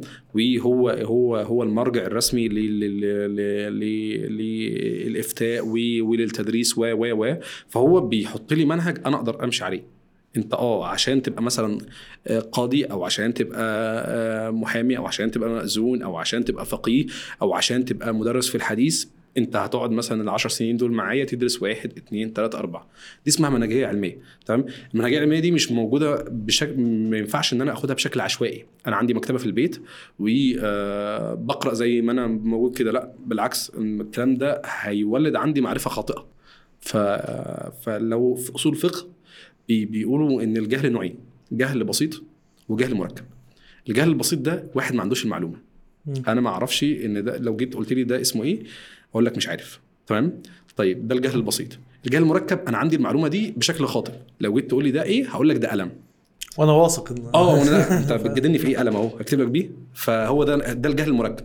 الجهل المركب أصعب بكتير جدا في إزالته من الجهل البسيط. الجهل البسيط ده لو أنا قلت لك لو أنت لو أنا قلت لك ده إيه وقلت لي مش عارف بعرفك إن ده موبايل واستخدام واحد اتنين أنت تلاته تعرف. لكن لما تيجي أنت أصلا عندك جهل مركب وأقول لك إن ده ده بسألك ده إيه تقول لي قلم هقول لك لا هحتاج أزيل أصلا فكرة إن ده قلم عندك وبعد كده أعرفك إن ده موبايل. هيجي الجدال أصلا. آه فما ينفعش واحد يقرأ في الدين كده ويمسك بقى الكتب كده وما شاء الله ويروح داخل بقى في في الكتب ديت أكبر مراجع مثلا الفقه الاسلامي اللي موجودة يجي المجموع مجموع مثلا كتاب حوالي آه، 25 مجلد.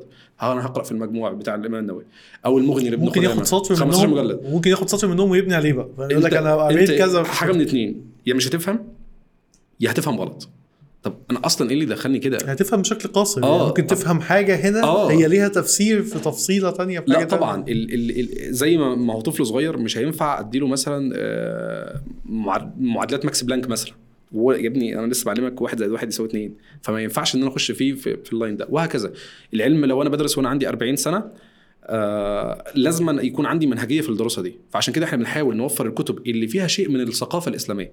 أنا مش بقول إن ال- اللي هيقرأ مثلا الكتب ديت تاني يوم هيطلع يبقى يفتي وماسك آه، ما- ماسك مثلا هيئة إفتاء. لا ده دي شيء من الثقافة اللي المفروض تكون موجودة عند كل واحد. الثقافة دي موجودة في الدين في التاريخ في الجغرافيا في الفلك في في الناحية الاجتماعية بشكل عام. فلكن أي حد بيقرأ منه لنفسه كده مسألة صعبة جدا. مسألة صعبة جدا في في دولة. عشان كده بتلاقي في شيء كبير جدا من التعلم عندنا. عندنا كلنا مش مش مش عند مش عند شخص بعينه لا أنا بيبقى عندي معلومة غلط وأنا وأنا وأنا مش دريان إن هي غلط بالعكس أنا بجادل عنها يا ابني انت بتجادل ليه؟ الاسوء إن هو في ناس بقت مصادر معلومات على السوشيال ميديا أصلا آه طبعاً. يعني فاللي هو أنت تتخيل إن هو ممكن يكون واحد بيكذب واحد مثلا فضل يعمل بحث 40 سنة في طبعا موضوع معين لمجرد إنه شاف واحد كاتب بوست على إحنا السوشيال لسه ميديا لحد بيقول دلوقتي كذا. معتقدين ان إن القوانين فيها اتغيرت بسبب ماتش شوبير آه، بقول لك يعني ما هو هتيجي بقى من أبسط حاجة لأكبر حاجة؟ أنا متخيل كل ده عن كل دوت كل ده هتلاقي في كل مجال في كده. هتلاقي واحد يقول لك الشاي باللبن ده غلط. يا عم أنا درست في الكلية مش غلط آه، هتلاقي واحد يقول لك لا لو لو عملت كذا ده ده حرام. يا عم آه، ب- وعلى فكرة أنا مش أنا مش ضد فكرة إن هو يقول أنا شاكك إنه في كذا لا، أنا بفكر إنه في كذا. الشك هيوديك للبحث. آه لكن أنا مشكلتي في إنه في القطع آه أنا عندي كذا. كذا. آه أنا أنا أنا عندي المعلومة اليقينية بدرجة 100% إن اللي اللي أنت بتعمله ده غلط. يا ابني بتعمله ده غلط إزاي؟ ف... وكان في واحد عامل دراسة يعني بيقول لك حتة ال...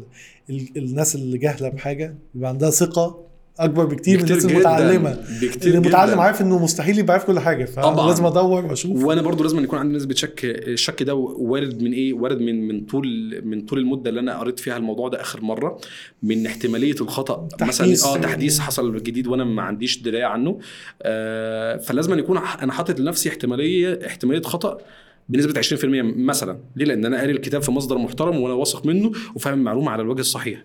لكن ممكن وارد يكون حصل طارئ والمعلومة دي اتغيرت. زي مثلا إيه؟ زمان كله كان مفتكر إن الأرض مثلا آه، مسطحة. تمام آه، دلوقتي خلاص إحنا عندنا يقين بنسبة 100% بقى شيء من اليقينات ان الأرض كرويه فعشان تقدر تغير القناعة ديت انت محتاج علم يقيني اللي هو إيه أنا شفت إن الكواكب كلها مستديرة وأنا عندي كمان كمان ده الكوكب خلاص مستدير وبقى في آه، في تلسكوبات فضائيه بتقدر تصور لي الكوكب بشكل عام في فبقى عندي شيء يقيني. آه. وفي حقائق علمية حتى بالظبط. آه، ممكن بتتغير بعد تغير تكنولوجي معينة وصلتك لمعلومة جديدة. مظبوط. فنقدر نقول حتى إن اليقين في يقين وقتي اللي هو أنا دلوقتي وإن متيقن وصل وكذا. وصل لدرجه علمية عالية. يعني في بحث أنا قريته لحوالي 10 علماء خدوا نوبل بعد فترة اكتشفوا إن النظرية بتاعتهم غلط. غلط. فده واخد نوبل. أنت بتتكلم في إيه؟ هي في الآخر نظريات. فالنظريه بت- قبل التطوير بشكل بالظبط. دائم. فمش مش من الحقائق المثبتة. يعني مش مش مثلا إيه الشمس بتطلع من من الشرق دلوقتي. خلاص ما هي طول عمرها هتطلع من الشرق. كل يوم هتطلع من الشرق. فلكن في حقائق في في في في حقائق علمية بتتطور بشكل يوم عن يوم. ويمكن ده اللي بشوف إن هو ميزة لينا أصلا ميزة للجيل الحالي أكتر شوية من قبل كده إن أنت المعلومة سهل إنك توصل لها جدا. بس بقى بلاش تافورها وتحاول تعمل أنت كمان معلومة يعني فاهم؟ اللي هو إيه ادرس الأول قوي وأوصل قوي خد كل المصادر اللي بقت متاحة وبقت كتير عشان بعد كده تعالى اديني معلومة زيادة. والله حسيت إن إحنا بقينا ندور على المعلومة في الوقت بس اللي أنا محتاجه فيها. مش بدور إن أنا آه، يكون. عندي بنيان معرفي حقيقي. يعني مثلا إيه أنا محتاج أعرف آه، الزمالك اخد مرة خد بطولة افريقيا إمتى فاهم؟ قوي خلاص مش لازم مش لازم تفكرني كل شوية إن أنا بقول لك الثانوية بقى خلاص يعني الله ي- متأكد إن أفشل رحمكم الزيطه يعني الحمد لله. أنتوا نفسكم متأكدين من كده بس هنيجي للموضوع ده. فأنا أخش أشوف الزمالك بسرش على جوجل آه، أشوف الزمالك آخر مرة أخد اخد آه، آه، آخر مرة أفريقيا إمتى ما احتجتش للمعلومة دي وأنا بحضر في في بيني وبين نفسي أنا بقرأ عن الزمالك بشكل عام. لا أنا احتجت لها وأنا وأنا بتخانق مع واحد أهلاوي بيقول لي أنتوا عندكم خمسة أفريقيا والستة ديت أنت واخدها من قبل ما تتولد. تمام؟ الخم- الخمسه ديت أنتوا واخدينها من قبل ما تتولدوا. ف ما تولد إزاي يا عم؟ أكيد خدتها في آخر 10 سنين ولا- فاروح مسرش أشوف لا أنا اكتشفت إن أنا واخدها لسه في بداية الألفية وهكذا. فأغلب في أغلب مجالاتنا بن- بنبحث دايما في وقت ما أكون محتاج.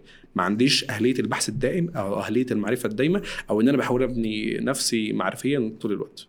وده كان جزء مهم من حتة الكتب. ده اللي كنت بقول لك عليه في الأول. في ناس بتروح تدور على المعلومة وقت ما تحتاجها لا بس طبعا. فهو بيدور في جوجل زي ما أنت بتقول على مش عارف كذا معلومة. آه. فخلاص أنا مش محتاج أقرأ الكتاب اللي هو ممكن يكون هيضيف لي. يعني ده دايما حتى بقوله لأي حد أصغر أو أي حد يهمني يعني أو يسألني. أقول له الكتاب لما هتقراه هو ممكن الكتاب يكون مع في التسويق مثلا.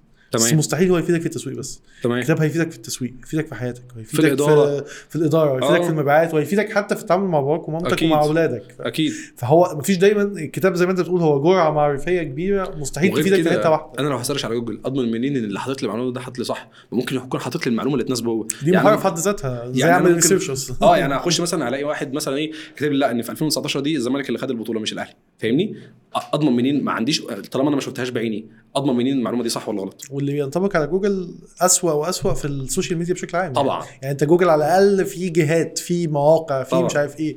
لكن أنت السوشيال ميديا أنت بتخش تلاقي واحد كله بيطخ أنت نفسك وهو ما تعرفش هو مين أصلا وهو كاتب لك معلومة. كاتب لي معلومة إيه؟ ومعلومة إيه؟ بتبقى محبوكة حبكة درامية كويسة جدا بتناسب عقلي إن أنا أصدقها. اخرها مثلا كان في الشركة اللي بتنتج الإنسولين موضوع تويتر بقى وإيلون ماسك والكلام ده فخدت ال verified badge دي. ونزلوا إن الإنسولين هيبقى ببلاش. وثقت الصفحة آه. وف- ونزلوا آه، بوست طبعا. أو تويتة كده. ففي لحظة الشركة خسرت من أسهمها آه. بلاوي أرقام كبيرة جدا لمجرد معلومة من على السوشيال ميديا. فأنت متخيل؟ هي زي ما دي زي بقول لك زي ما زي ما هي عيب هي ميزة لو أنا قدرت أطوع الكلام ده لو أنا قدرت أكيد. أشوف التجارب العلمية اللي موجودة دلوقتي وإن أنا أحاول أوصل لاكبر قدر من شريحة الشباب دي وأوصل لهم المعلومات بشكل كويس. زي ما بنشوف مثلا تجارب كويسة لل- للناس على السوشيال ميديا زي الدحيح وخلافه بيحاولوا يوصلوا المعلومات بشكل مبسط خفيف آه، يستغل خفة دمه والحاجات زي كده إنه يقدر ي... بص بشوف أي حاجة في الحياة ممكن تبقى يمين وشمال ممكن طبعاً. تبقى ميزة وعيب فأنت مفيش- على حسب استخدامك ليه مفيش مسألة شر مطلق ديت يعني في في في في المعرفة ديت آه، مش موجودة الكلام ده أنت بتحاول بس تطوعه بشكل إن أنت تستفيد منه لأقصى درجة إيه أكبر كتاب قريته؟ أكبر أكبر كتاب قريته آه، كان آه، البداية والنهاية. تمام. عدد من المدرب البداية والنهاية 21 مجلد. في في مجلد أو اتنين ما قريتوش منه. في كتاب آه، كان في لولو المكنون كتاب سيرة. كان أربع مجلدات كل مجلد يجي 1000 صفحة. في كاد أجزم إن في ناس ما قريتش 100 صفحة في حياتها. برضو برضو الكم اللي أنا قريته طب لو أنت جيت تقول لي دلوقتي أنت متذكر منه أقول لك إيه ممكن ما أقولكش مثلا وعلى فكرة ممكن 10 ما 15% ممكن ما تبقاش فاكر بس في تراكم معرفي يعني مثلا بناء الدولة عليه. العباسيه بالكامل هتيجي تقول لي أنا كنت فاكر ترتيبها كويس جدا فاكر ترتيب الأحداث اللي فيها كويس جدا تيجي تقول لي دلوقتي افتكرها أقول لك لا. مثلا قصة الأنبياء بتاعت ابن كثير هي مجلدين. أنا عليها حوالي ثلاث مرات. تمام؟ يعني هتيجي تقول لي دلوقتي قصة سيدنا عيسى إيه مش فاكر. فأنا مبسوط إن أنا قريت ومبسوط إن أنا هحتاج لكتاب تاني وهقراه تاني أو هشوف كتاب يوازيه أقراه تاني. بس آه، طول ما أنا ب... طول ما أنا بحاول إن أنا أقرأ أنا كويس. لو حصلت انقطاع في القراءة ببقى مش كويس ببقى مش مش مبسوط من جوه أو حصل عندي خلل. أكتر كتاب غير في تفكيرك أو يعني حسيته عمل نقلة كبيرة؟ آه، الكتب ال- طبعا الدينية بشكل عام كلها تمام؟ آه، والكتب اللي بقت بقى فيه لون جديد كده طالع بيحاول يوفق بين النظريات العلمية والحضارة الشرعيه اللي إحنا فيها. في مراكز قايمة بالكامل على الناحية دي. يعني زي كتب مراكز النماء بشكل عام كتب مركز تكوين كتب مركز براهين. براهين ده مركز قايم على حاجة واحدة بس جايب نظرية اسمها التصميم الحديث. تمام؟ النظرية دي هي ال ال هي دلوقتي هي النظرية آه، اللي واقفة قصاد التطور. نظريتين التطور والتصميم الحديث هما النظريتين الوحيدين. فده جايب بيترجم كتب بس مع الديسكفري تمام؟ ونازلين زي ما تقول إيه حرب علمية بين بين المدرستين مدرسة التطور مدرسة التصميم الحديث وهكذا. في مع في مراكز كتير جدا دلوقتي بقت قايمة على على التراجم العلمية وتوصيلها بلغات مبسطة لغير المتخصصين بتوصل المعلومات دي بصورة سهلة جدا لأبعد حد. زي ما قلنا مركز نماء مركز آفاق مركز تبصير مركز براهين مركز تكوين. المراكز دي بشكل عام آه، محترمة جدا. بخلاف طبعا بقى الهيئات العامة للاصول والثقافه و و وكتب وزاره الثقافة بشكل عام يعني. الكتب الثقافية غير محدودة. خلصنا الكتب يعني أو لو أنت في أي كتاب أو في حاجة أنت شايف إن حابب تقولها خصوصا لل- للجيل الصغير يعني ممكن تبقى مفيدة ليهم. هو كان لو لو مثلا ال- أجيال الآباء مثلا لو يقدر ينمي عند الطفل مسألة القراية في وقت الصغير ده آه، هتبقى كويسة جدا خاصة إن هو لو قدر ينمي عنده مرحلة اللغة العربية. يعني كان في واحد عمل تجربة إن ابنه قبل ما يتم الخمس سنين كان قرأ حوالي 360 كتاب صغير. 360 كتاب دول أنا ما قريتهمش وإن كان آه في تفاوت لو جمعت 360 كتاب دول لو لو بقوا 100 صفحة بس هم 360 كتاب مختلف. 360 فكرة. آه 360 فكرة مختلفة. فتخيل الطفل ده لما يخش في ثانوي هيبقى عامل إزاي؟ كان في فيلم 2012 عارفه؟ طبعا. اللي هو بتاع نهاية العالم. فكان العالم اللي هو اللي, اكتشف اللي اكتشف المسألة دي كلها كان لسه صغير في السن. فكان الرئيس الأمريكي بيسأله آه، أنت يعني قدرت توصل لكده إزاي؟ فقال له آه، كان آه، بابايا كان كل لما أقرأ كتاب يجيب لي علبة ايس كريم فوصلت لثانوي عام ب 2000 كتاب وأنا تخين جدا من كتر الايس كريم اللي كانوا تمام؟ ففكرة إن أنا أحط جايزة مقابل علم أو مقابل قراية أو مقابل مجهود أو مقابل ده ده شيء مثمر جدا. يعني تخيل مثلا أنت عندك طالب ابنك لو اديت له مثلا كتاب مثلا عن عن حياة عالم معين. وقلت له اقراه اديله مثلا كتاب عن أينشتاين مثلا صغير يناسب وقته ويناسب عمره ويناسب تفكيره. تخيل هو بينه وبين زمايله ونفس الفئه اللي هو فيها هيكون فارق عنهم قد إيه. طيب عشان يقرأ طبعا الطفل بي- بيميل أكتر للعب والتنطيط واحط له جايزة. حطيت له جايزة دي هتشيل من اللعب كتير. فخلاص أنا باصص إن مثلا بابا هيجيب لي عجلة لو أنا خلصت الكتابين دول. بابا مثلا هيجيب لي آه، حاجة لو أنا خلصت دول. فاهمني؟ تخيل لما ده يخش ثانوي العقلية بتاعته هتكون عاملة إزاي؟ منفرد هيبقى. هيكون بي بي فعلا بيغرد خارج السرب خالص بخلاف زمايله. تخيل بقى لو إحنا عندنا مثلا ألف طالب على على هذا النسق أو أو 10000 أسرة على هذا النسق بيعملوا مع أولادهم كده. المساله هتلاقيها في خلال خمس سنين اتغيرت تماما. هيبقى عندك في خلال الخمس سنين أو العشر سنين بقى في 10000 مفكر جديد ليهم منظور جدا محترم في كافة أنواع العلوم. هيبقى عندك 10000 عالم. يبقى ده جزء ممكن من ال- الهاكس اللي إحنا كنا بنتكلم فيه من شوية طبعا. إن هو ممكن إزاي نحسن الموضوع. طبعا. حاجة بسيطة على مستوى البيوت مش على مستوى طبعا ومش مكلفة. وما ما زادتنيش حمل أصلا عليا لأن المعرفة دلوقتي بقت متناول بقت سهلة جدا. ده زمان عشان قبل مثلا قبل مسألة الطباعة يعني قبل 200 سنة ولا حاجة عشان كنت توصل عشان انت عايز كتاب تروح للراجل اللي بيكتب الكتب. تقول له أنا لو سمحت عايز كتاب الفلاني. فيقول لك ماشي حاضر. تديله فلوس كتير جدا لأن الراجل ده بيقطع عمره للكتابة بس. يقعد يكتب يقعد اكتب الكتاب بالكامل. يعني في كتاب اسمه تاريخ دمشق لابن عساكر. كتاب يعني لو طبع طبعه كويسة هيوصل 200 مجلد. تمام؟ تخيل انت بتروح للراجل الخطاط بتقول له اكتب لي تاريخ دمشق. هيقعد مثلا كام سنة عشان يكتبه؟ يعني هو لو لو هو القدره العالية عنده في الكتابة هيكتب قد إيه في اليوم تمام آه، مثلا هتروح تقول له أنا عايز أكتب مثلا قصة الحضارة ليون دي تمام هت- هيقعد قد إيه؟ هيقعد قد إيه؟ هيقعد سنين قبل ما يكتبه فاهمني؟ ف فدلوقتي سبل التعليم وسبل تلقي المعرفة أسهل بكتير جدا جدا في خلال ال 100 أو 200 سنة اللي فاتوا الكتاب بي... بينزل تاني يوم بيبقى بيبقى بيبقى مسروق ومحطوط PDF. وعلى ذكر ال PDF انت شايف فكرة ال PDF كقراءة؟ يا بص في ظل طبعا إيه إن الكتب بقت محتاجة جمعيات أنا محتاج يعني عشان تنزل معرض الكتاب وإن شاء الله هنعمل حلقة مفصلة يعني لو في وقت الكتب. عن الكتب قبل معرض الكتاب خاصة معرض الكتاب في شهر واحد. فالكتب بقت غالية جدا عشان ت... عشان أنت تجيب كتب كم أنت عايزه ممكن تنزل مثلا ب 20 30 ألف وتلاقي نفسك ما اشتريتش كم كبير جدا. يعني بداية ان هي بس طبعت عالم الكتب عاملة 14000 فاهمني؟ فمش طبعات اللي هي التقليدية الشعبية انت ممكن تجيبه ب 1000 جنيه ف لكن عشان تجيب كم معين من الكتب أنت محتاج تبقى موجه بكامل مصاريفك وكامل نفقاتك ناحية الكتب. فال PDF بقى وسيلة متاحة مع كل حد يقدر أي حد يقدر يجيب Kindle دلوقتي ويقدر يخصصه للقراية بس. بس الصراحة مش بنفس المتعه عشان نكون مت... الكتاب ليه متعة خاصة بيه أقدر أعلم فيه أقدر آه، ألخصه. يعني زي ما بص إحنا مثلا عاملين في الكتاب إحنا ملخصينه بشكل كامل. فلو أنا حبيت أجي أراجع الكتاب براجع التلخيص ده. آه الكلام ده متاح في قادر أروح آه. يعني أنا أقدر أفر الكتاب دلوقتي في نص ساعة. كتاب أنا قعدت مثلا يوم أو يومين أقراه تمام؟ أقدر أفره في نص ساعة تمام؟ الكلام ده آه موجود في ال في ال في ال في, ال في ال بشكل تكنولوجي إن أنت تقدر تحدد آه، النصوص اللي أنت محتاجها مهمة. بس أنا مش شايفها لا بنفس المتعة ولا بنفس السهولة اللي موجودة في الكتب. وفي نفس الوقت إتلاف الأشياء الإلكترونية أسهل بكتير جدا من إتلاف الأشياء الورقية. يعني أنت ممكن تلاقي ال software وقع بتاع الجهاز اللي بتقرأ فيه فضاع من عليه كل حاجة بخلاف الكتب. لو لا قدر الله باظ بيبقى صعب جدا إن أنت صعب جدا يكون باظ. فاهمني؟ يكون اتحرق بقى نكون نسيته وهكذا. ف ف الكتب ليها متعة خاصة عن ال PDF بشكل كبير جدا. خلي بالك انت ده يبقى تحيز منك انت للكتب. آه ده, ده, ده, ده نظرتي أنا. أنا إن في ناس آه، في ناس ما شاء العكس الله تماما. في ناس يعني إيه حيتان قراءة. وهو مع PDF بس. حيتان قراءة بشكل كبير جدا.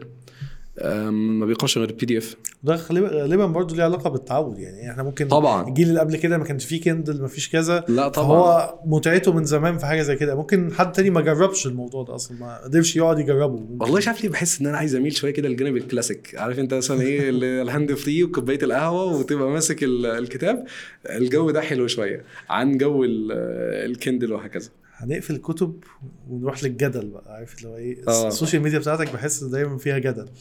عارف إيه؟ مواضيع صعبة ورأي واضح منك أو رأي دايما ممكن يكون صادم لبعض الناس. تمام. آه بس بشوف إن هو في مواضيع مهمة لازم الناس تتكلم فيها. تمام. طيب حاجة زي الإلحاد مثلا. ماشي. الناس آه، موضوع صعب موضوع تقيل موضوع يمكن آه، ممكن نقول جديد بس هو قديم. ماشي. وده وجهة نظري إن هو يعني هي حاجة زي كده ممكن تكون ظهرت أكتر دلوقتي بسبب ال social media وبسبب أكيد. الحرية الأكتر في إن أنت تبرز رأيك والكلام اللي زي. كده. لكن هي موجودة من قبل كده. إيه سببه أصلا؟ يعني ممكن واحد يفهم اختلاف الديانات وده طبيعي وإن هو ناس أو ناس بتشوف معتقدات مختلفة. لكن الإلحاد في حد ذاته يعني بحس إن هو حاجة آه، صعبة. يعني حاجة إن أنت تبقى معتقد إن كل ده بلا بلا خالق ده تمام. مش حاجة بسيطة يعني آه، هو بداية قبل ما نتكلم الكلام محتاج تحضير أنا مش محضر أكيد. كويس إحنا دي دردشة مجرد على فاحنا لو هنت... آه فإحنا لو هنتكلم في المسألة اللي زي كده مسألة إيه يعني لمحة بسيطة جدا ما نقدرش ان ما نقدرش نوفي فيها في أي جانب وده هدف إن ده حاجة زي دي ممكن تبقى عايزة آه. حلقة كاملة. فعايزة بحث تمام وفي خلاف البحث عايزة إن أنا أرسم لك منهجية برضو إن أنا إزاي أقرأ في كتب الإلحاد بشكل عام. في الغالب الالحاد اللي إحنا بنشوفه بي... لو هنقدر نقول ينقسم هينقسم لقسمين. الحاد بإطار عربي تمام. والحاد بإطار غربي. الالحاد بالاطار الغربي هو ناتج من من من طباع مادية بحتة. مش من مجرد الحاد من ناحية الخلق بس لا. هو بيتكون عنده أفكار مادية من هو صغير. عشان كده بتلاقي مثلا الطفل هو الشاب لما الطفل اول لما يكبر شوية ويبتدي بيبقى شيء عنده شيء من الاستقلالية البحتة وهو موجود في البيت. خلاف ان إحنا كطباع شرقية تمام؟ لا انت بتبقى داخل الإطار الأسري حتى وانت متجوز ومخلف وعندك عيال. فطبعا الاستقلالية دي بيكون بتتجه بعد كده لكل جوانب الحياة عنده. استقلالية في في في في, الدين استقلالية في المجتمع استقلالية في شيء. فمن كتر من كتر آه، مش عايز أقول بقى من كتر الاستقلالية أو من كتر الحرية اللي موجودة عنده إيه المانع عندي إن أنا يكون الفكر غير محدود تمام؟ آه، مش هؤمن غير بالشيء المادي بس. أنا شايف إن ده موبايل قدامي. لو مش شايف إن ده موبايل قدامي مش هقول إن في إن كان هنا في حد بيتكلم في التليفون. فاهمني؟ آه لكن الإطار العربي شوية بحس إن إيه؟ إن المسألة فيها شيء من الميوعة. ممكن لو واحد إيه فشكل الخطوبة يلحد. لو لو مثلا إيه حصل له أي أزمة نفسية يلحد. يعني المساله مش كده مش حاسس ان هنا. وإن كان طبعا هناك آه، الإلحاد هو إلحاد سواء إذا كان في الصين أو في أمريكا. بس بحس إيه؟ إنه اللي وصله لهناك شوية شيء من المعرفة وإن كانت خاطئة. تمام؟ لكن هنا بحس إن إيه؟ شيء شعوري. واحد زي ما قلت لك حصل له صدمة نفسية. لا ما هو لو كان في إله ما كانش ما كانش الكلام ده يحصل. واحد مثلا خد بكل أسباب الوصول. أنا مثلا إيه؟ عايز أتعين في الجامعة. فخدت كل الأسباب اللي هي تعيني إن أنا أطلع الأول وما وصلتش. لو كان في إله عادل كان زماني وصلت. فبحس هنا إن هي بتبقى نابعة شوية من الجانب النفسي. عندهم نابعة شوية من الجانب المادي. فاهم فاهمني الفرق فاهم بين الاثنين. بس هي هل هي جانب نفسي أكتر ولا برضو نقص ثقافة ما هي نقص نابعة زي ما؟ قلنا من من من من اختلاف العالمين. هم هناك عندهم الجانب المادي غالب جدا على كل على كل حياتهم. إحنا هنا الجانب النفسي زي ما بيقول لك هنا مثلا إيه إحنا طيبين وغلابة ومش عارف إيه. فالطيب ده أول لما يتعرض لمسألة تفكيره الشارد ده لو ما عندوش علم بقى مثلا بالمسائل الدينية آه هي هي- هيشطح بتفكيره لأبعد ما أنت تتخيل. إن زي ما حتى لك لما بيشطح بيشطح بدون آه، معلومة. وبدون ضابط تمام؟ آه، أنت هنا يا ابني إيه؟ وفعلا دي أغلب الحالات اللي إحنا شفناها بتتوقف في التفكير. انت إيه اللي خلاك أصلا؟ طب إيه اللي اللي اللي ادى لك ان انت الازمة العاطفية دي توديك للالحاد يعني مش فا... مش مش شايف ضابط بين الاثنين فاهمني؟ يعني أنا مثلا قاعد في بيتي العربية اتخبطت تحت. إيه الضابط بين ده وان أنا الحد وخلي بالك هو برضه مش هيقول لك إن ده السبب. آه يعني مش بيقول في الآخر لا ده هو ده فعلا التراكم النفسي اللي حصل. فاهمني؟ سلمنا ابدا أو ما سلمناش. آه غالب مثلا ممكن يكون واحد حصل عنده مثلا من من من الانبهار المعرفي اللي موجود مثلا في أوروبا وأمريكا وخلينا آه لا ده سواء ده, ده أكيد طبعا العالم اتخلق من من من تراكم من من التطورات ومن من ومن الصدفة وبيج بانج وحاجات زي كده. بس آه، برضو أنا شايف إن الغالب عندنا هنا الجانب النفسي مش الجانب العلمي. من ضمن الحاجات اللي نفس الفكرة كده أو ممكن ساعات بتقود ليها حتة الاكتئاب. أنت حتى كنت في البرنامج بتاعها بتاعك آه إحنا الدكتور كان ليه برنامج اسمه البروف كده ارجعوا شوفوا الحلقات بتاعته. هتلاقوا فيها مواضيع كتيرة حلوة جدا. من ضمن الحلقات كنت عملت حاجة عن الاكتئاب. تمام. الاكتئاب ممكن نقول إن هو حاجة من الحاجات المشهورة المصاحبة بموضوع الحياة. أصلا الاكتئاب والحالات النفسية أكتر برضو بقت زيادة قوي. بقينا طبعاً. نشوفها ب... كتير وزي ما انت قلت بحاجات بلا يعني مش هقول تافهة عشان هي كل حاجة بتبقى مهمة لصاحبها بس حاجات أقل قيمة من اللي كانت ممكن تعمل حاجة زي كده زمان. تمام. ده سببه ال social media من ناحية مثلا إن الناس بقت تشوف كتير بتشوف آه، نماذج ناجحة كتير بتشوف نماذج آه، حققت أهدافها كتير فبالتالي أنا ليه ما وصلش كده؟ ولا ممكن يكون برضه ده إيه؟ ده من أحد الأسباب. أنا دايما حاطط نفسي في مقارنة. الباشمهندس دلوقتي قدامي آه، مثلا كسب مليون جنيه مثلا في business عمل. تمام؟ أنا ليه ما كسبتش المليون دي؟ تمام؟ ده بيولد عنده إحساس بي- بيولد له شيء من الاكتئاب فاهمني؟ التخبطات ال- ال- الحياتية اللي بت- بتحصل مرة ورا التانية في في أنماط مختلفة من الحياة زي مثلا تخبط اجتماعي أو تخبط علمي أو تخبط مادي أو تخبط نفسي ده هيولد له إن هو هيخش في إطار من الاكتئاب. ف... فعشان كده إحنا بنتكلم إن هو دلوقتي بقى أكتر أكتر مرض منتشر في العالم دلوقتي. يعني تقريبا أنا عارف إن هو حوالي 300 مليون. داخلين اللي, اللي متشخصين على أساس إنهم اكتئاب. وفي الغالب طالما تم تشخيصه على أساس ان اكتئاب يبقى المجتمع بتاعه راقي. لكن إحنا أغلبنا هنا بيبقى مكتئب وهو مش عارف ان هو عنده اكتئاب. أو إن هو مش عارف إن هو لازم يتعالج من الاكتئاب. أو إن هو مش عارف إنه إمتى أنا أقدر أروح لدكتور انت ي- أقدر أقول أصلا إن أنا آه، عندي مشكلة يعني؟ إن أنا آه عندي مشكلة. لازم تتشخص والدكتور يحاول يعالجها. لا إحنا ما عندناش أصلا أهلية لده كمان. فتخيل ده اللي تم تشخيصه. اللي ما تمش تشخيصه خاصه في المجتمعات النامية أضعاف أضعاف الرقم ده. بكتير. فاحنا بنتكلم مثلا هيبقى شوف هيبقى كام مليار بقى. خاصة إن الاكتئاب يا إما بيبقى مزمن أو على فترات معينة أو بسبب حادثة معينة وهكذا. فكل دوت أنت مش قادر تحط له ضابط معين. يعني واحد مكتئب طول حياته بسبب إن بيحصل له خبطات ورا بعضها. واحد مثلا حصل له خبطة واحدة و آه، أدته الاكتئاب وبعد كده تعافى منها.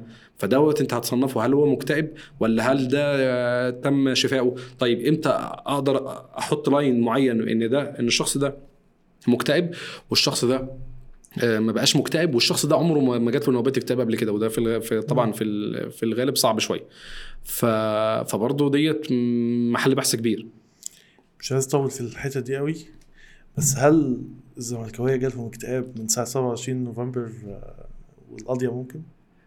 هم نروح للكورة بقى هو- يعني. هو ما جالهمش اكتئاب هو تقريبا يعني وصلت لمرحلة قطع الشرايين؟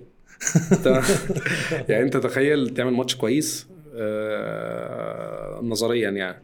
ولحد الدقيقة 85 انت ماشي بمعدل كويس. وفي ما كانش فرص. حد بصراحة متخيل فرص. فكرة يعني ما كانش فيه فرص تقول إن إحنا رايحين لجون آه، هي بتاعت حسين الشحات بتاعت العارضة دي. حتى بتاع إنتوا زيزو بس. وبتاع مش عارف إيه. بس قصدي لأ ما كانش يعني عارف اللي هي إيه دايما لما الأهلي بيجيب جون في الآخر مثلا ولا حاجة بيبقى اللي هو قبلها مضيع كورتين ثلاثة وضاغط وعامل مش عارف إيه. لأ هو فعلا ما كانش فيه يعني عارف إيه. أهلاوية أو زملكاوية ما أظنش إن حد كان متوقع بسيناريو الماتش إن في جون في النهاية بالشكل ده. والله ولا قفشة نفسه كان متوقع. حد؟ ولا موسيماني نفسه كان متوقع. الماتش نفسه يعني ما كنتش تقدر من الأول. كان آه كان في بيتقال على الورق إن الزمالك حظه أكتر بكتير وأنا دايما بخاف. أنا دايما بتفائل بدي. أنا دايما بخاف جدا من دي. بالظبط. أنا دايما بخاف جدا لما يتقال بحس إن اللعيبة بيحصل عندها شيء من الرعونة. أنا نازل كسبان.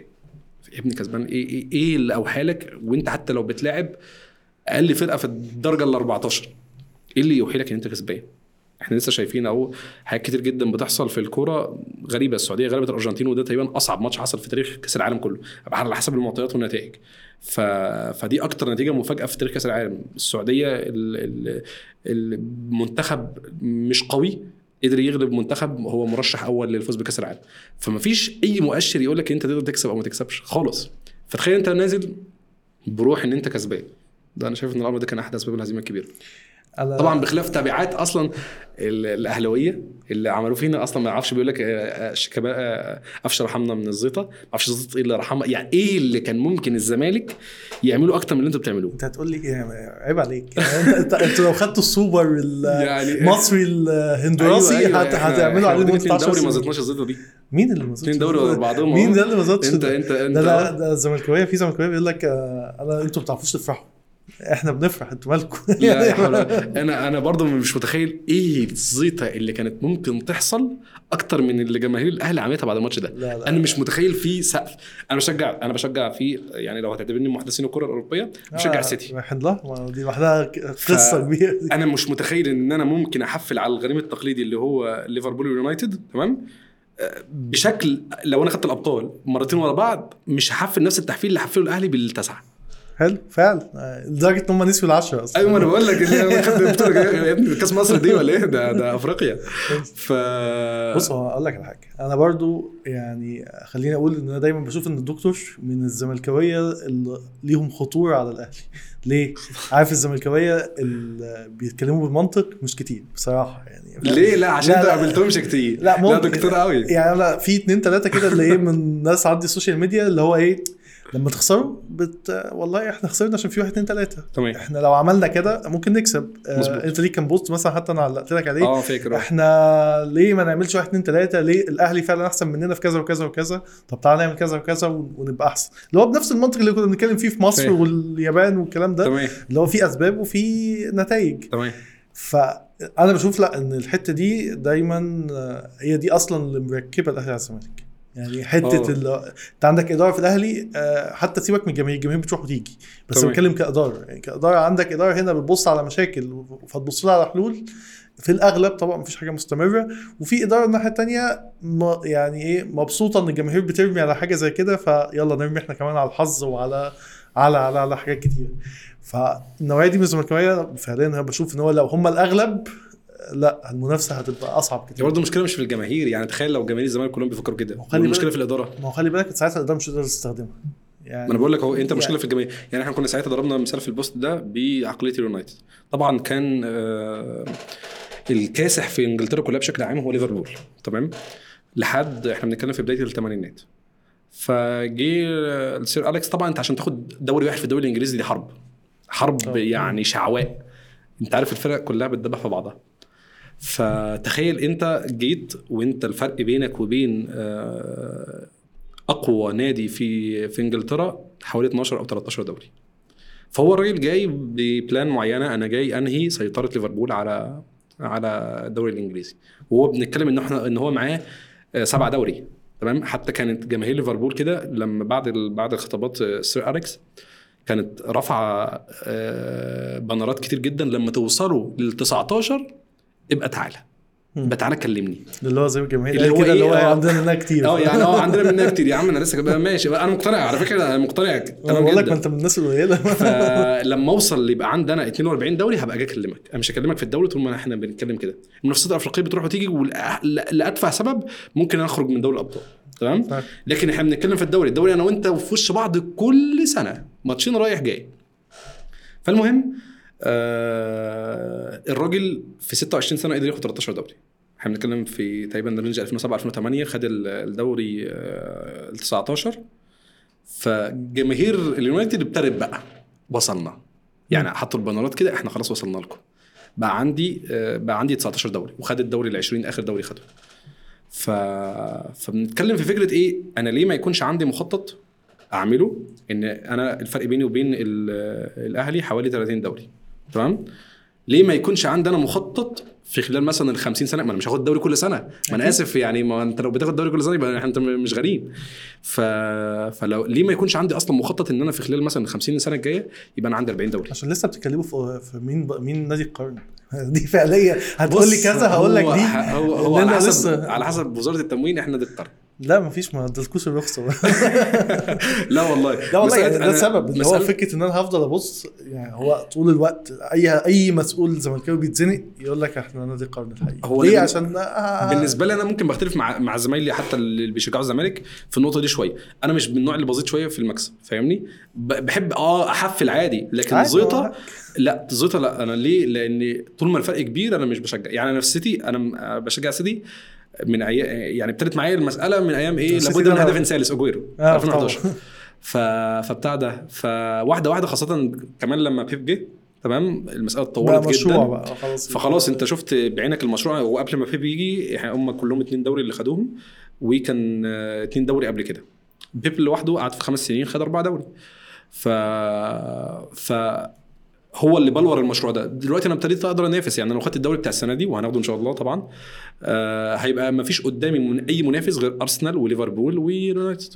فدول خلاص أنت بقيت بقيت في الأربعة الكبار من 20 سنة أنت كان زيك زي توتنهام اللي واخدة واحد دوري والفئة ال- ال- الواقعة دي. لكن دلوقتي أنت خلاص أنت بتبني تاريخ محلي. حتى ده كانت جوهر الخلاف مع ال مع ال الناس اللي بتشجع آه، أندية مختلفة. يجي يتكلم بيب ما خدش أبطال مع مع مع السيتي وهو حاطط مقياس النجاح الوحيد إن هو ما خدش أبطال مين المدرب ال- ال- ده ده ده أنا من وجهة نظري أنا ال- ال- المحضة إن ده بيبلور لك عظمة بيب المدرب الوحيد اللي في التاريخ بيتقاس بدوري الأبطال مع إنه معاه اتنين الوحيد اللي بيتقاس ب... بس. برضه. خلينا نبقى منصفين في هنا يعني هل بيب جوارديولا ما هو برضه المدرب الوحيد اللي بيجي له الصفقات اللي بمليارات. لا ما دي برضه نقطة ما نقدر نتكلم فيها. أنا ه... ه... ه... قبل ما أخش في النقطة دي أنت إيه رأيك في السير أليكس؟ لا عظمة. يعني حد من الناس اللي أبدع في الحتة دي أو يعني هو الأساس. اتنين أبطال. حلو. في على فكرة أنا مش 26 سنة بقيم. تدريب. أنا مش في 26 بقيم سنه في, ستة- في 26 سنة تدريب. تمام. حلو. يعني أنت متخيل عدد سنوات ضخم جدا مع الجيل الذهبي لليونايتد هو اللي عامله. برضو ال- السير أليكس لما كان بيقول أنا عايز فلان الفلاني بيتجاب. فكرة إن بيب جوارديولا بي بي بيقول بي بيتقال عليه إن هو إن أنا باخد صفقات بالمليارات الكلام ده مش صح. ده كلام إدارات. أنا عايز مثلا جاك جريليش. ده دي الصفقة مثلا إيه اللي اللي, اللي, اللي جت ال over شوية. الإدارة بتخش مع, مع النادي في في تفاوض. لو جيب 10 بيب جوارديولا مش هيتقال إن هو بيجيب صفقات قليلة. لو جه بمليار المفروض ان ما يتقالش إنه بيجيب صفقات قليلة هو بيجيب لعيبة طيب اللعيبة اللي اللي قبل اللي قبل ما جوارديولا يجيبهم هل هم كانوا نجوم؟ يعني هل هو مش الأبرز. هل هو جاب ميسي وكريستيانو لا. آه أصل هو مش باريس تمام؟ لا هو جايب مين؟ جايب آه، برناردو سيلفا جايب آه، دي بروين دي بروين كان ماشيينه من تشيلسي وراح فولسفبورج جايب آه، دياز من الدوري البرتغالي جايب كانسيلو مبدله مع دانييلو يعني هو جايب ناس مش هم النجوم آه خامة كويسة للعيبة بس مش هم النجوم. فبيكون فريق بيخليهم أحسن نجوم في العالم. خلاص دي بروين أحسن خط وسط في العالم. كانسيلو أحسن back شمال في العالم. إدرسون آه حارس مش مش مش أقوى حاجة بس هو أحسن حارس بيمرن مناسب في العالم. بتاعته آه. في التكتيك بتاعه. هالاند مش هو ده هالاند بتاع دورتموند. تمام؟ بقى سفاح. آه سيلفا أحسن من أحسن ثمانيه في العالم. تمام؟ من أحسن مركز ثمانيه في العالم. آه ووكر أحسن back دفاعي في العالم يمين. تمام؟ آه وهكذا. بيخليهم أحسن ناس في أماكنهم مش لسنة أو سنتين لمدة طويلة. وتأثير بيب جوارديولا بيبقى أبعد من كده بكتير. يعني لما مسك برشلونة أسبانيا خدت كأس العالم. لما مسك بايرن ألمانيا خدت كأس العالم. لما مسك إنجلترا إنجلترا أول سنة تبقى مرشح لإن هي توصل لمركز في كأس العالم. فتأثيره بيتعدى لل- للنادي اللي هو فيه والمنتخب ال- اللي هو فيه. طيب جوارديولا مسألة المقياس بتاعه بتاع دوري الأبطال لا هو حقيقي فعلا السيتي جايباه عشان الدوري مش عشان دوري الأبطال. ليه؟ مقياس العراقة بالدوري. نوتنجهام عندها اتنين دوري أبطال. أستون فيلا اتنين دوري أبطال. تمام؟ الفرقة دي فين دلوقتي؟ مفيش. تمام؟ لكن اللي بيخليه ليه تاريخ حقيقي هو الدوري. المقياس اللي بيني وبينك أهلي وزمالك هو الدوري مش دوري الابطال الدوري الأبطال أنت ممكن تنسحب ما تقعدش خمس سنين تلعب وده حصلت قبل كده مع الأهلي. سنين ما لعبش. أنا خدت فيهم بطولات. عليت عنك. رجعت انت عليت حصل عندنا تخبطات وقعت وهكذا. المقياس الحقيقي جوه الدوري هم جايبينه يعمل التاريخ جوه الدوري. يعني هو لو قعد 10 سنين كمان وخد له فيهم 7 8 دوري خسر له 3 4 ولا حاجة قلت خسر 3 4 خد 6 دوري بقى عنده 15 دوري. يبقى السنين الجاية بقت سهلة. وعلى فكرة بيب جوارديولا هو أكبر مكسب لليونايتد موجود حاليا مش للسيتي. يعني لولا بيب جوارديولا كان كلوب خد كل سنة الدوري. ليفربول داست أكتر يعني. كان ليفربول فرمتهم يعني في خلال السبع سنين دول خدوا ست دوري ولا حاجة. فكان الفرق هيبقى شاسع. لكن ده في مصلحة اليونايتد. أنا أنا بقرب لك أنا أنا لسه بعيد عنك أنا لسه الفرق بيني وبينك. أنتوا الاثنين واقفين. 12 أيوه أنا عديتكم أنتوا الاثنين فهي الكورة بشكل عام أنا شايف إن هي برضو آه، علم زي أي علم. لازم أنا أشوف مقومات نجاح وأشوف أنا بقى عليه تمام؟ جوارديولا لما لما لعب نهائي الأبطال من غير ارتكاز مركز ستة. آه، ما ما لعبش لا بفرناندينيو ولا برودري أدرك أدرك ان هو غلط جه في السنة اللي بعد مشكلتها يمكن يعني عارف إيه جه في السنة اللي بعدها أنا بقول لك الموضوع بس في نفس الوقت أنا بشوف إن هو لأ أنت في كل سنة لو جيت تحط في أول السنة أو في نصها أو في آخرها مرشحين للفوز بدوري الأبطال هو. الأول مش مش مش. السيتي؟ كل سنة هو المرشح الأول ودايما شوية في حتة كده زي ما أنت قلت ماتش النهائي بتاع تشيلسي ده ماتش غريب جدا جدا. مثلا يعني لو وغير كده اتعاد 10 مرات ماتش ممكن ما ماتش ريال. مدريد لو اتعاد 20 مرة مش هيبقى فيه السيناريو ده. أصعب ريمونتادا بالنسبة لنا في التاريخ أصعب من بتاع باريس. هو ريمونتادا ريال مدريد اللي عملها على السيتي. آه، ساعتها كنت بتفرج ماتش قمت أصلا. هو خلاص مش هت مش أيوه حاجة يعني تخيل يعني. بيريز يقوم يسلم على على على خلدون آه، رئيس النادي. ما ما بيقول له خلاص بيهنوا بالفوز في الدقيقة 86 ما 86 أنت بتقابل أقوى فريق في العالم محتاج تجيب جولين عشان تتعادل مش عشان تصعد. لكن باريس أنت جاي كسبان ثلاثة ومحتاج ثلاث جون عشان تكسب فاهمني؟ وباريس مش هي السيتي. باريس وقتها ما كانتش هي السيتي. يعني كنت تقدر تذكر مين أسامي اسماء جامدة. أسماء قوية كان كافاني ودي ماريا وفيراتي الناس دي. لكن أنت بتتكلم أقوى خط دفاع في العالم أقوى خط هجوم في العالم. أنت محتاج تجيب جونين عشان تتعادل. أخش معاك آه، أشواط إضافية. أقوى ريمونتادا بالنسبة لي في التاريخ دي آه، هو إيه؟ احساسك إيه ساعتها بس. بس أنا تقريبا الضغط عالي جدا وصل ل 160 على على 110 آه، خدت آه، خدت حباية كده عشان الضغط ينزل. وأدركت إن مسألة الأبطال دي ملهاش أي مقياس. يعني أنا هفضل أشجع السيتي في الأبطال لحد ما تقريبا ولادي هم اللي هيشوفوا ثمرة ال- ثمرة الأبطال. لكن لا هي حظوظ. يعني اللي مش مش شرط الفريق اللي بيلعب كويس أو الشرط اللي ليه فرص أكبر هو اللي بيصعد وده إحنا شايفينه أصلا. ليفربول دايما طريقة سالك. تمام؟ معرفش انت أنت بتشجع مش بشجع ليفربول. أنا بصراحة من زمان أرسنال يعني بس آه أنتوا في من زمان. مش عشان دلوقتي لا. ما أقدرش أقول مشجع عشان بصراحة أنتوا عزكم. أنتوا ولادنا كلهم عندكم يعني. أنت زينشينكو جابريال جيسوس و... وعندكم أرتيتا نفسه ابننا يعني. فأنتوا يعني إيه إحنا مش لاقيين. فصنعنا نفسنا منافس فلا أنا بشكل عام آه، دوري الأبطال في نسبة حظ كبيرة جدا جدا. يعني لو لو جوارديولا نفسه لما صعد على على تشيلسي تمام؟ في ماتش الغدارة لو تفتكروا. هو تشيلسي اللي ليها الفرصة الكبيرة إن هي تصعد وفعلا حصل في أخطاء في التحكيم في الماتش. بس بالدليل إيه اللي حصل؟ قصدي الناتج اللي حصل إيه؟ صعد وخد الأبطال واتحسبت له تمام؟ دوري الأبطال فيه نسبة حظ كبيرة جدا لكن فعلا المنافسة الحقيقية موجودة على الدوري.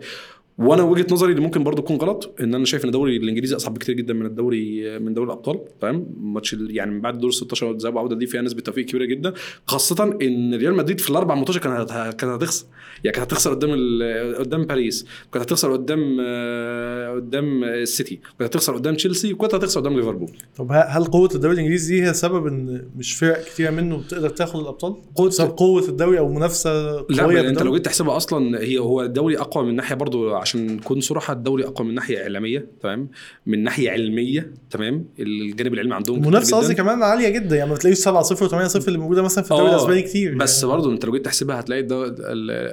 يعني الأندية اللي في الدوري الأسباني زي برشلونة وريال مدريد في آخر 15 سنة هم المستحوذين على البطولة وده اللي أنا قصدي عليه من هو يعني إحنا بنتكلم من, من 2005 لحد آه، 2021 إحنا بنتكلم في أربع بطولات خدتهم ب- برشلونة وبنتكلم في خمسه خمسة خدتهم وده اللي قصدي عليه فكرة إن أنت يبقى عندك دوري ريال سهل مدريد زي حتى ألمانيا برضو يعني فاهم دوري سهل في المتناول آه سهل فأنت مش مضغوط.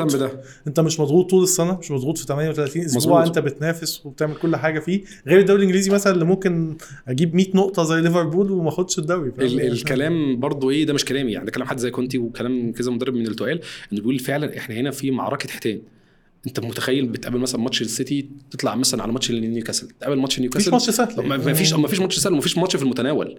خالص في ال في ال يعني في من ضمن كل الفرق ما فيش ما فيش حتى لو انت السيتي أو أو لو انت ليفربول أو لو انت الأرسنال تبقى داخل الماتش عارف انت انت كسبان. اليونايتد أهي اليونايتد بعد ما ابتدت تفوق خدت شالت ستة مع الرأفة. فاهمني؟ آه ليفربول بقى إحنا المفروض ان خلاص حظوظ السيتي عالية جدا خسرت 1-0 فمفيش أي ماتش مضمون داخل ال- ال- الدوري. الدوري ده فعلا هو الدوري الأصعب في العالم وأنا شايف إن اللي بيب جوارديولا عمله مفيش مدرب تاني يقدر يعمله.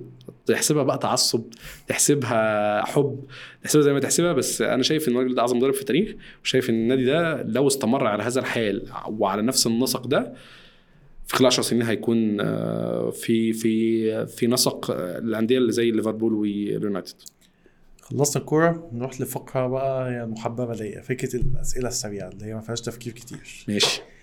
حد مش مشهور أنت شايف إنه بيقدم محتوى كويس وشايف الناس تحب تسمعه أكتر؟ في أنهي نوع؟ يعني مثلا دلوقتي. بقت آه، يعني أي محتوى أي حد شايف بيقدم محتوى ممكن يفيد الناس وهو مش مشهور عشان نديله فرصة الناس تسمعه أكتر. آه والله في بالي مش آه مش قوي بس ممكن آه، علي وكتاب علي وكتاب مشهور شوية. آه بس برضه مش مشهور بال ده بالكم اللي أنا قصدي عليه إن هو ال- حتى لو مشهور بس مش واخد آه، حقه زي ما آه بنقول مش يعني. مش مش واخد حقه. يعني كتاب من أفضل الناس اللي بتقدر تعمل على تلخيص الكتب. فشايف انه حد ممكن يكون آه كويس جدا. قناه أو صفحة بتعمل محتوى برضو بنفس المنطق كده اللي هي يعني ممكن بيقدموا حاجة قوية ويستحقوا أقوى من كده. آه قناة بتقدم آه محتوى قوي. آه يعني بس هي هي مشهورة يعني آه، مش آه، يعني بحب. جدا ال ال شوية اقتصاد بتاع واحد زميل لينا بس مش مشهور قوي يعني كان زميل لينا في في في أول ميديا بيتكلم في الاقتصاد بشكل محترم جدا. لو كده ممكن نبقى نسيب ال link بتاعه في في ال comments ولا حاجة. أكيد. طيب أهلاوي ولا زملكاوي؟ دي جاوبناها. لا خلاص لحد فين. طيب؟ آه، زملكاوي آه، لحد ما آه، لحد ما لحد ما نساوي جمهور الزمالك. لحد ما نساوي جمهور الأهلي أنا آسف. لحد ما يبقى عندنا نفس عدد البطولات. فأنت بقى شوف إحنا ناخد بقى نسوي البطولات إمتى؟ واعتبرني زملكاوي لحدها حلو. أكتر أكلة بتحبها؟ آه، الأكلات اللي هي ال- الصراحه عشان أكون صريح معاك برضو يعني الأكلات الشرقية قوي. يعني الكشري. الفول الطعميه جدا. الفول الطعميه يعني ارميني بس في قدر بالنسبة للفول طعمية بقى عشان انت وجعت لي بطني. قول. من كام يوم كده نزلت على على ال social media على الفيسبوك نتيجة تحليل لعينات فول مطعم فول وطعميه ماشي أنا مالهاش هل. ده بجد؟ أنا لو كلتها هو ده بجد؟ آه ده بجد آه. لا قصدي أنا فاهم إن هو بجد قصدي بجد بقى اللي هو يعني الأغلب آه كده ده الأغلب ده ده كان مطعم محترم مطعم سوري مطعم آه. شيك جدا. بس هي المشكلة بقت عندنا لو الأكل نظيف مش مستطعمه يعني لو مشكلة ما كبيرة. يعني لو ما كانش بجراثيمه مش هاكله. فخلاص بقت آه، يعني إيه أنا بغذي نفسي وبغذي جرثومة المعدة اللي موجودة عندي جوه. يعني هي برضه محتاجة تاكل معايا. أكتر وقت بتحب تشتغل فيه آه، يعني من بعد الفجر. آه، معلومة الناس كلها بتحب الوقت ده بس فعليا لو كلنا اشتغلنا في الوقت ده هتفرق معانا. فعلا أكتر وقت فعلا أي. حد عايز ينجز ينجز فيه يركز. يعمل أي حاجة إيجابية مش مستغل خالص فبيقلب دلوقتي معانا لو أنا بشتغل بالليل بيقلب معايا نوم فده كارثة. لكن وقت الإنجاز كله كان بالنسبة لي بعد الفجر الصيف ولا الشتاء؟ شتاء الشتاء ما لحد فين شتاء لحد لحد مثلا إيه لو قلنا سيبيريا لحد سيبيريا تمام. لكن بعد سيبيريا لا. لا أنا بالنسبة لي لو لو في تلج عادي. الفلوس ولا شيء آخر؟ وإيه هو الشيء الآخر؟ آه، الفلوس آه، الفلوس وسيلة مش غاية. فأنا بالنسبة لي الغايات أكتر. الغايات المعرفة. فالمعرفة دلوقتي بقت فعلا محتاجة فلوس. طبعا. تعلم أكتر من المعلومة ولا التجربة؟ آه، المعلومة. لأن في في تجارب ممكن ما امرش بيها فما يكونش عندي بيها معلومه ما يكونش بيها عندي سابق خبرة. لكن المعلومة بت بت بتمهد لك إن أنت ممكن تقع في التجربه الفلانية. بتفضل المجهود ولا التنظيم؟ لا التنظيم. المجهود مش مش بيحقق أكبر قدر من النتيجة. بشوف إن الحتة الإجابة دي شوية أكتر بسمعها من أي حد عدى ال 30 أو عدى ال 25 سنة. آه. آه، أكتر من الصغير يعني الشباب الصغير. الشباب الصغير دايما بشوف إن هو أنا هذاكر 10 ساعات. تمام. مش هذاكر ساعة لا أنا ذاكر ساعة مظبوط وما ذاكرش. وما ذاكرش 10 ساعات مش مش مش مظبوطين يعني ده أنا عايز أقول إن هو ده كونكلوجن الناس كلها بتوصل له لما آه، اللي, لما هي... اللي هيفهمه بدري أو هيتعامل آه. معاه بدري هيحقق حاجات أكتر كتير. مظبوط الجماعية ولا المهارات الفردية؟ آه، المهارة الفردية. فطبعا كريستيانو ولا ميسي ف ميسي طبعا. ميسي طبعا. المهارة الفردية دايما بت بت بتحاول توجد لك حلول في وقت إن ممكن ال ال ال ال الشيء الجماعي ما يقدرش يوجده. ف فبالنسبة لي المهاره الفرديه أكتر.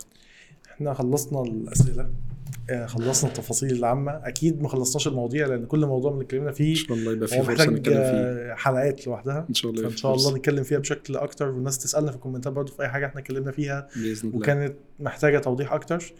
آه، عادة في الآخر ببقى سايبها كده إيه حاجة مفتوحة للضيف إن هو. يوجه رسالة لأي مكان اللي عايز يوجهه له. وأيا كان اللي هو عايز يقوله. ممكن توجه رسالة لأسرتك لوالدك لوالدتك آه، لفئة معينة شباب كبار دكاترة. يعني شوف. هو يعني ما فيش رسالة معينة في دماغي وما فيش حاجة برضه أنا محضرها. بس يعني لو في رسالة أنا ممكن أوجهها لوالدتي يعني هي والدتي هي صاحبة الفضل ال- صاحبة الفضل الأوحد بعد ربنا. تمام؟ في كون إن أنا لو بقيت حاجة في يوم من الأيام إن شاء الله هيكون ليها هي بسببها. آه، والدتي ست مش بتعرف تقرأ وتكتب تمام؟ بس كانت حريصة كل الحرص إن أنا لو احتجت كتب خارج إطار الدراسة كانت هي السبيل الوحيد طبعا ما ما ما ما مش بشتغل ما عنديش عائد مادي. فأنا كونت مكتبة وأنا في الجامعة وطبعا أي حد بيشتري كتب عارف يعني إيه آه، فلوس كتب. يعني أنت ممكن تشتري كتب آه، كتاب واحد بمصاريف سنة دراسية كاملة. فهي الصراحة عمري ما حسيت منها بأي تقصير. خاصة كمان بعد ما اشتغلت ابتدت تساعدني في شغلي أنا بمساعدات مادية ومعنوية.